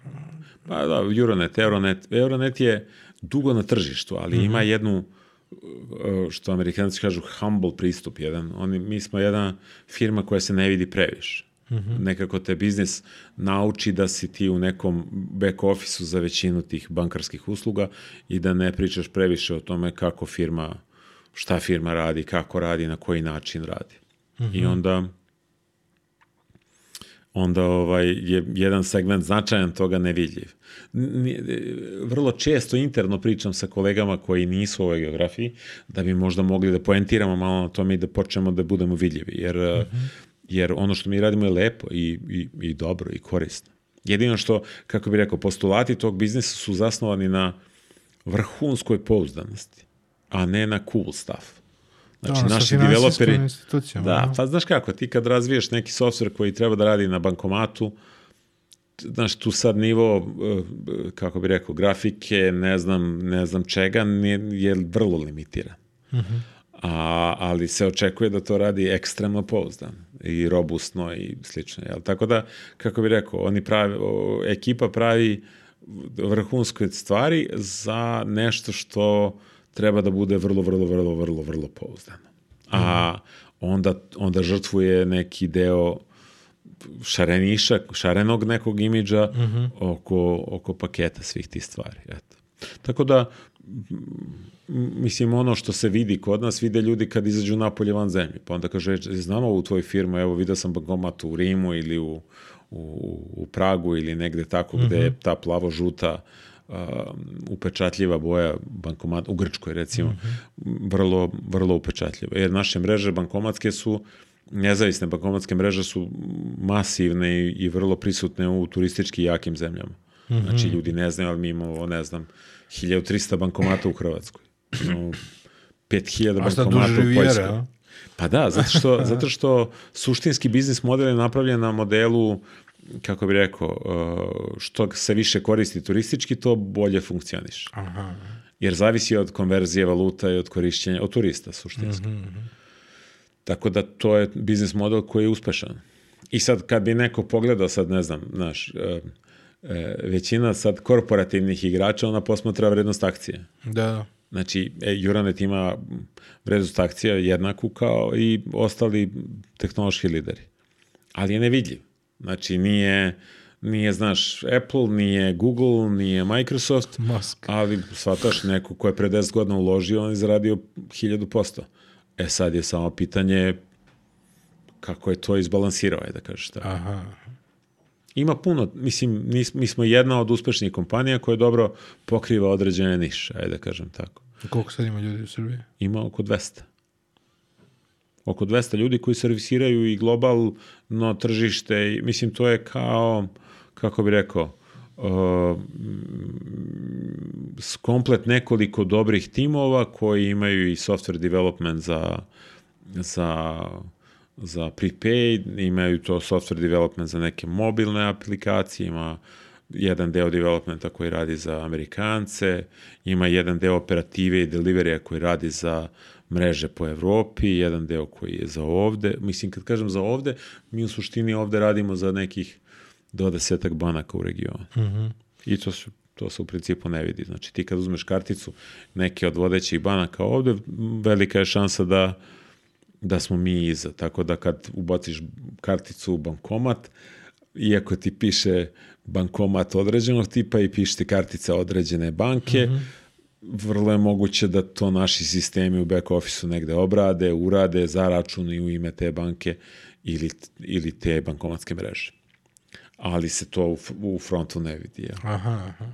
Da. A to je, to je vrlo kompleksna radnja. Znači, ti, to, to ljudi nisu svesni toga. Oni, oni misle da to, uglavnom većina ljudi misli da se sve to nalazi već na bankomatu. A u stvari bankomat napravi sijasa tu upita, u- ti ubaciš karticu, on kaže, aha, evo ga, Ćosa sad hoće da digne pare. I upita tvoju banku, onda banka kaže ima pare, onda uh, Visa kaže uh, može odobravam, onda ove kaže ok, važi, zaduži ga ovdje. Znači tu se sad desi desetak nekih komunikacionih stvari koje ti nemaš impresiju da se dese, a u stvari se sve to završi nekim ekranom koji tebi kaže koliko hoćeš para digneš, koji opet mi drajvujemo na neki način i, i, i završi se transakcijom gde ti dobiješ taj svoj novac, izvadiš karticu, a umeđu vremenu se desilo 50 nekih radnji u, u, offline, u, u tom nekom backgroundu koje ti nisi imao prilike da vidiš. Me samo, ono, ja sam, ja samo volim da tri puta stisnem na isto dugme, ono, na isto mesto kad Ni- ukuci posle pina da, i da. cifre, E, da to. samo, da, da uvek Da. bude a, najbrži tok od ukucavanja pina do izbacivanja para treba da bude dugme na istom mestu, znači samo da ga stiskaš, Pa, vidi, to jer je- ima da. nekoliko stvari koje treba da potvrdiš, ono šta želiš. Mislim, i to, vidi, to tržište se jako dobro razvija i jako se brzo razvija. I verovatno je, znači, u krajnjoj liniji sad e, sve što se veže za transakcije, to u principu ima ima veliku širinu i veliku, veliki potencijal. I pomera se i to u digital, totalno. Jedino što evolucija e, korisnika ne ide u tom pravcu. Mm. Znaš, mislim, teško je zamisliti da 1,3 miliona penzionera kod nas sad odjednom iz queuinga, iz nekog čekanja u redu u pošti ili negde drugo, sad odjednom postane fully digital, znaš. Ili da nauče kako da na touchscreenu startuju aplikaciju, da plate račun online. Pa slično. A dobro, ali oni vole redove, oni se u redovima ispričaju. Pa, Njima je red socijalni aspekt. Ne sporim, nego samo hoću da ti kažem, to je jedan moment, s druge strane vidi, ja gledam omladinu kako funkcioniš, oni da se stane u red u životu, no way. A oni su power useri budući, je tako? Da, tako da. da banke sve više prepoznaju takve stvari i sad se tu dešava jedan Njima samo disruption. sad tako. da, da bude I, i vidi, NFC. i, i, dovoljno da odeš malo u razvijeno tržište i vidiš kako to funkcioniše. Znači, u našem komšilu, u Rumuniji, ja mislim da ima 10 web banaka već. Kod nas nema ni, ni jedna praktično, ne. još uvek. Formalno pravno. Možda je najbliža do toga Mobi banka, odnosno Mobi, bivša Telenor banka, banka, ali, ali svi teže ka tome. Jel? Mm. Konvertuju se ka, ka digitalu na jedan, na jedan intenzivan način, ajde da kažem. Jel tu I tražiš, sad... koji su vam generalno izazovi kod nas trenutno? Tražite ljude? Pa, znaš šta je izazov? Izazov je kako da privučeš mladog čoveka da, da dođe i ostane tu da radi taj posao. Jer je mhm. suštinski posao nije uh, kako bi rekao, posao je mnogo više tradicionalan. Znači, mm. znaš, tu je sad jedno pouzdano IBM okruženje, AS400, jedna, kako bi rekao, robustna tehnologija određenog tipa i to je nešto sa čim mi se borimo u ovom trenutku. Mm. I mhm. ekrani koji, koji, kako bi rekao, ekrani koji su koji su tradicionalni, ajde da kažem, još uvek. Tako da, veliki je izazov kako parirati, uh, kako dobiti talentovnog čoveka koji želi da uči taj segment posla, a da, a da nije privučen atraktivnošću uh, poslodavaca koji nude da kažem, naš razvoj igrice ili nekog produkta mm. koji je, koji je spolje šareniji. Za taj uzrast i za te mlade ljude je to, kako bi rekao, očekivani izbor, -hmm. Iako tehnološki gledano neće velika razlika biti. Odnosno, sad je stvar impresije, znaš. Možda ćemo se i mi adaptirati vremenom da da naučimo kako da rotiramo brže ljude. Statistika kaže da će te nove X generacije da da promene preko 30 poslova, 37 poslova za vreme svog životnog veka. To je neverovatno veliko. To znači praktično da ću ja morati da razmišljam o tome kako da u ovom kolektivu imam rotaciju od 200 ljudi koji se menjaju na svakih 18 meseci. Pa da. To je unbelievable. Ja, ja ne mogu da mapiram varijantu u kojoj mogu da zamenim celokupan kolektiv u roku od manje od dve godine. A to je metrika koja nam je na horizontu. Pa da. Evo sad ove firme koje se bave headhuntingom, Nevena iz jedne od njih je gostala sad na jednom podcastu i onda su oni uveli plaćanje na rate headhunting pa, firmi da, gde, plać, da. gde, gde firma gde je otišao neki programer im plaća mesečno, da. bukvalno dokle god taj programer ostane u firmi. Jer da. to je kao najsigurnije... Ovaj... Ne, ne, modaliteti će budu dramatično fleksibilni, mm ali će, ali će i razvoj i, sve, i, i output će morati da se prilagođava tome. Tako da će izvesno i, i krajnji epilog morati da bude nešto, nešto drugačiji. Mi ćemo se modifikovati, ali ja u ovom trenutku, s obzirom na brzinu dešavanja, ne mogu čak ni predikciju toga da napravim kako će da izgleda tržište za 5, 6, 7, 8 godina. Ja vidim šta se dešava kao ono kao perfect storm na ovoj ili na onoj strani, ali ali će taj disruption da dolazi po pravilu od onih koji čak nisu u ovom trenutku ni igrači na tim tržištima. Mm. Znači, znaš, pre, pre nekoliko godina ti nisi mogao ni da zamisliš situaciju da je, da je ne, neko ko je retailer, u stvari, kako bi re, on je bio na kraju lanca. On je dobio epilog onoga što je pre toga. A on je sad, ne decision maker, on je sad glavni disruptor. Amazon je Amazon je ono što je uradio u e-komercu aplicirao u, u živom svetu sa Amazon Go. Napravio, na, na, napravio je neverovatan pomeraj, a na konto samo konverzije modela u nešto što je brza transakcija. Tako da, ne znam kako će, ne znam, kartične šeme da odreaguju, šta će se desiti onog trenutka kad pukne brana, znaš. Mm. Kad ti budeš bio u mogućnosti da apliciraš WeChat u Srbiji, koji sad koristi milijardu kineza. Da, ja. Znaš, a oni sad telefon na telefon, oni NFC-om, adaptirati? Pa vidi, oni NFC-om sad kupe brod, kupi kuću, ku, znači oni imaju, oni su sistem do, kako bi rekao, znaš, Microsoft ima veliku privilegiju što je testiranje svih svojih proizvoda mogo da, da iskoristi svoje zaposlene. Znači, ja sam svaku betu imao uvek na mom računaru. 100.000 zaposlenih testira tvoj proizvod. Ne možeš lepše da zamisliš. E sad zamisliš situaciju gde ta zatvorena ili poluzatvorena tržišta, oni praktično testiraju sve ono što mogu da puste na teren već sad. Ja ne znam kako će izgledati situacija kad, kad se nekako enabluje opcija u kojoj će ta, nek, ta neka dešavanja koja su sada iza zidova, kad se oslobode. Ja vidim samo političke implikacije svega toga, pa opcije u kojima se neko kroz dekrete ili ovakve ili onake stvari sprečava, ali tehnologija će isto kao i, i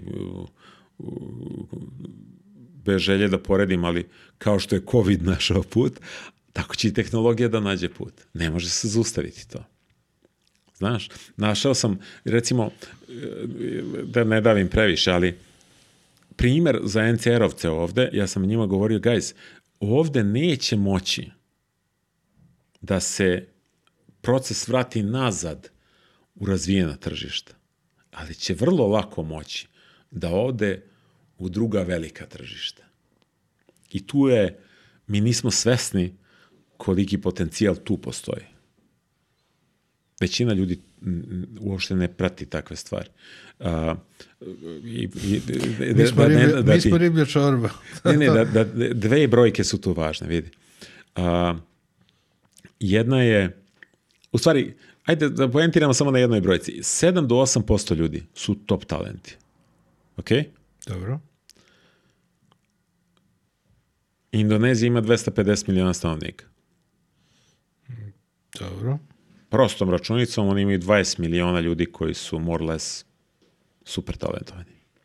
To je ukupno, ukupno stanovništvo nas i dijaspore celog Tako je, regiona. a ona je potpuno nevidljiva. Znači ona spada u onaj srednji sloj gde mi ne obraćamo pažnju koliko ima, mislim mi se fokusiramo na ove naj, naj, najveće, ali ispod tog radara ti imaš potpuno nerazvijena tržišta kao što je Indonezija. Nigerija ima 200 miliona stanovnika.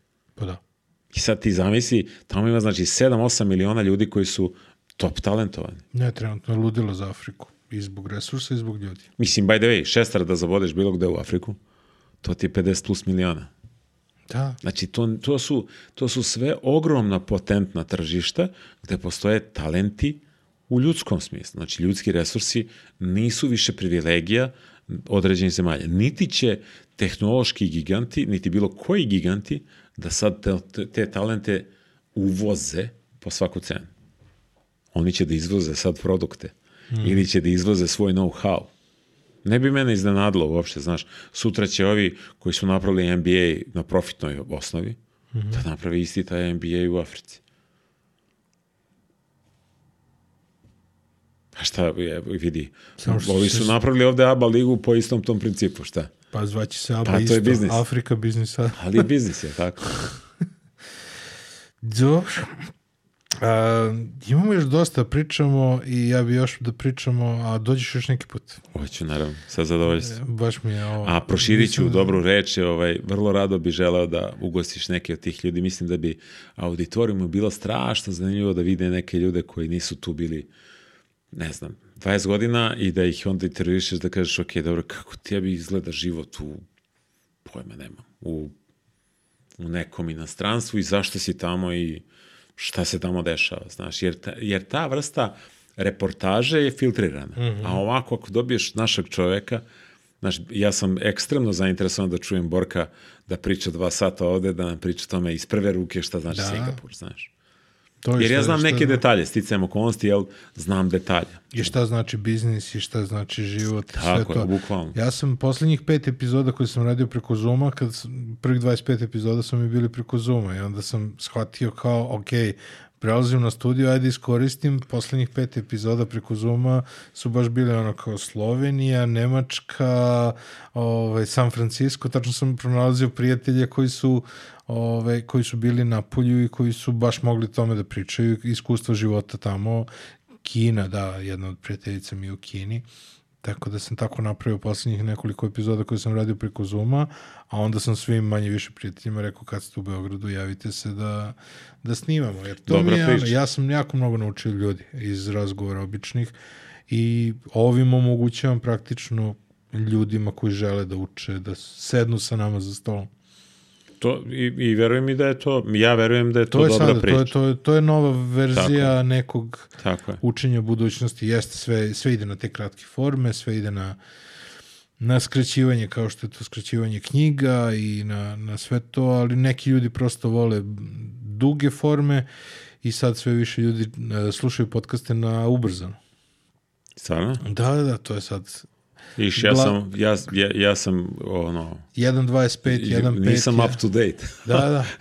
ja i ne znam znači za aktuelnosti tako ti. svaki, svaki sad podcast, e, da li je na YouTube-u ili na ovim podcast Da. platformama za slušanje, može da se ubrza i onda nađeš prosto svoju brzinu. Zapravo brzina zavisi od gosta, zavisi od toga koliko gost priča. Da. Da. Svako gleda i kao... To me sad podsjeća na ono za lekove, ono. Pa jeste, Konsultujte jeste, se s vašim jeste, ali znaš kako, apotekarom. ono ranije, ono ranije je bilo onako da ti modifikuje glas, sad ne modifikuje glas, sad bukvalno samo, A, samo te ubrza. I onda Da. stvarno, i sad ja sam tačno gledao koji, koji moji gosti mogu da se gledaju na kojoj brzini, znači. Da. Možda ću čak da uvedem, ono kao Ali preporučena vidi, interesantno, za, inter, interesantno je skroz. Ja sam i dalje pobornik toga da je audio dobar zapis. I, i sad, kako bih rekao, jeste ljudima ugodno da vide, Mhm. Ali sam 100% siguran da je ta vrsta slušanja je vrlo i dalje je, i dalje je vrlo potentna, vrlo, vrlo je Evo, jedan, kvalitetna. jedan gost ovde kaže da je mnogo važno kao što je tu, kao kad je ušima, kao to je važno. Sa druge strane, i ja volim, i ja primarno slušam, doduše, ja pogledam kako to izgleda na YouTube-u, pogledam da. gosta, pogledam, znaš, ono, da li je važno Da. da. da, mu gledam i gestikulaciju i ostalo i onda posle toga alt tab i slušam i, ovaj, radim. Tako je, da. Tako da. da- Pa mislim, ja sam se sa Audiblom ovaj, potpuno navukao na ta, Pa da. formu, tako da shvatio sam da je to u stvari metrika koja mi prija. Jer za- ne mogu, jer vremenski okvir je teško naći i onda je onda moraš da koristiš, kako bi rekao, trenutke kad možeš nešto da radiš, tako da voziš i da slušaš, ne možeš baš i da gledaš i da voziš, jel? Tako da, Upravo to, ali e, Clay Shirk je rekao u jednoj knjizi e, promena se ne dešava kad e, društvo usvoji tehnologiju, nego kad zahvaljujući tehnologiji društvo usvoji novo ponašanje. da, dobro, pa tako je. I to da. je to, znači ti sad treba dok se šetaš, dok voziš, dok umesto radija ili dok se šetaš umesto muzike, Da. dok vežbaš umesto muzike opet, a, da slušaš neki razgovor ili neku knjigu i to je onako već jedan, jedna promena. Jest, to jest. zahteva promenu ponašanja. Dok radiš, da pustiš to umesto muzike, umesto nekog razgovora ili umesto tišine. I mislim da u dva sata razgovora ima stvari koje možeš da preskočiš. I to je važno, da, da nije problem da, da nešto propustiš, da nije to dva sata sadržaja koje moraš da odgledaš kao Tako je, što, tako je, kao tako što je. gledaš film, nego pustiš uz put, pa i kad sediš sa nekim, znaš, ne moraš ni sve da čuješ. Istina, istina. Hvala ti puno. Hvala tebi. A vama hvala što ste gledali još jednu epizodu, još podcast 1. Ovo je bio moj razgovor sa Žiletom koji je nam je eto lepo pričao o životu u korporacijama i kako to funkcioniše. Mislim da je dobro promjena u odnosu na ove dosadašnje priče. Nadam se da vam je bilo zanimljivo. Još dosta priča smo ostavili za neki drugi put, a bit će ih kada ovde budu počeli gosti da dolaze i drugi, treći put da, da razgovaramo. Na kraju želim da vam se zahvalim što ste nas gledali, što nas slušate, preporučite nas prijateljima, hvala našim sponzorima, Beans Coffee uz koju sam razgovarao sa Žiletom i MVP workshopu ukoliko želite da radite u tehnološkoj kompaniji koja kreira budućnost u Beogradu, javite im se, opise imate u opisu podcasta. Čujemo se, vidimo se sledećeg četvrtka. Ćao, čao. Bye, bye.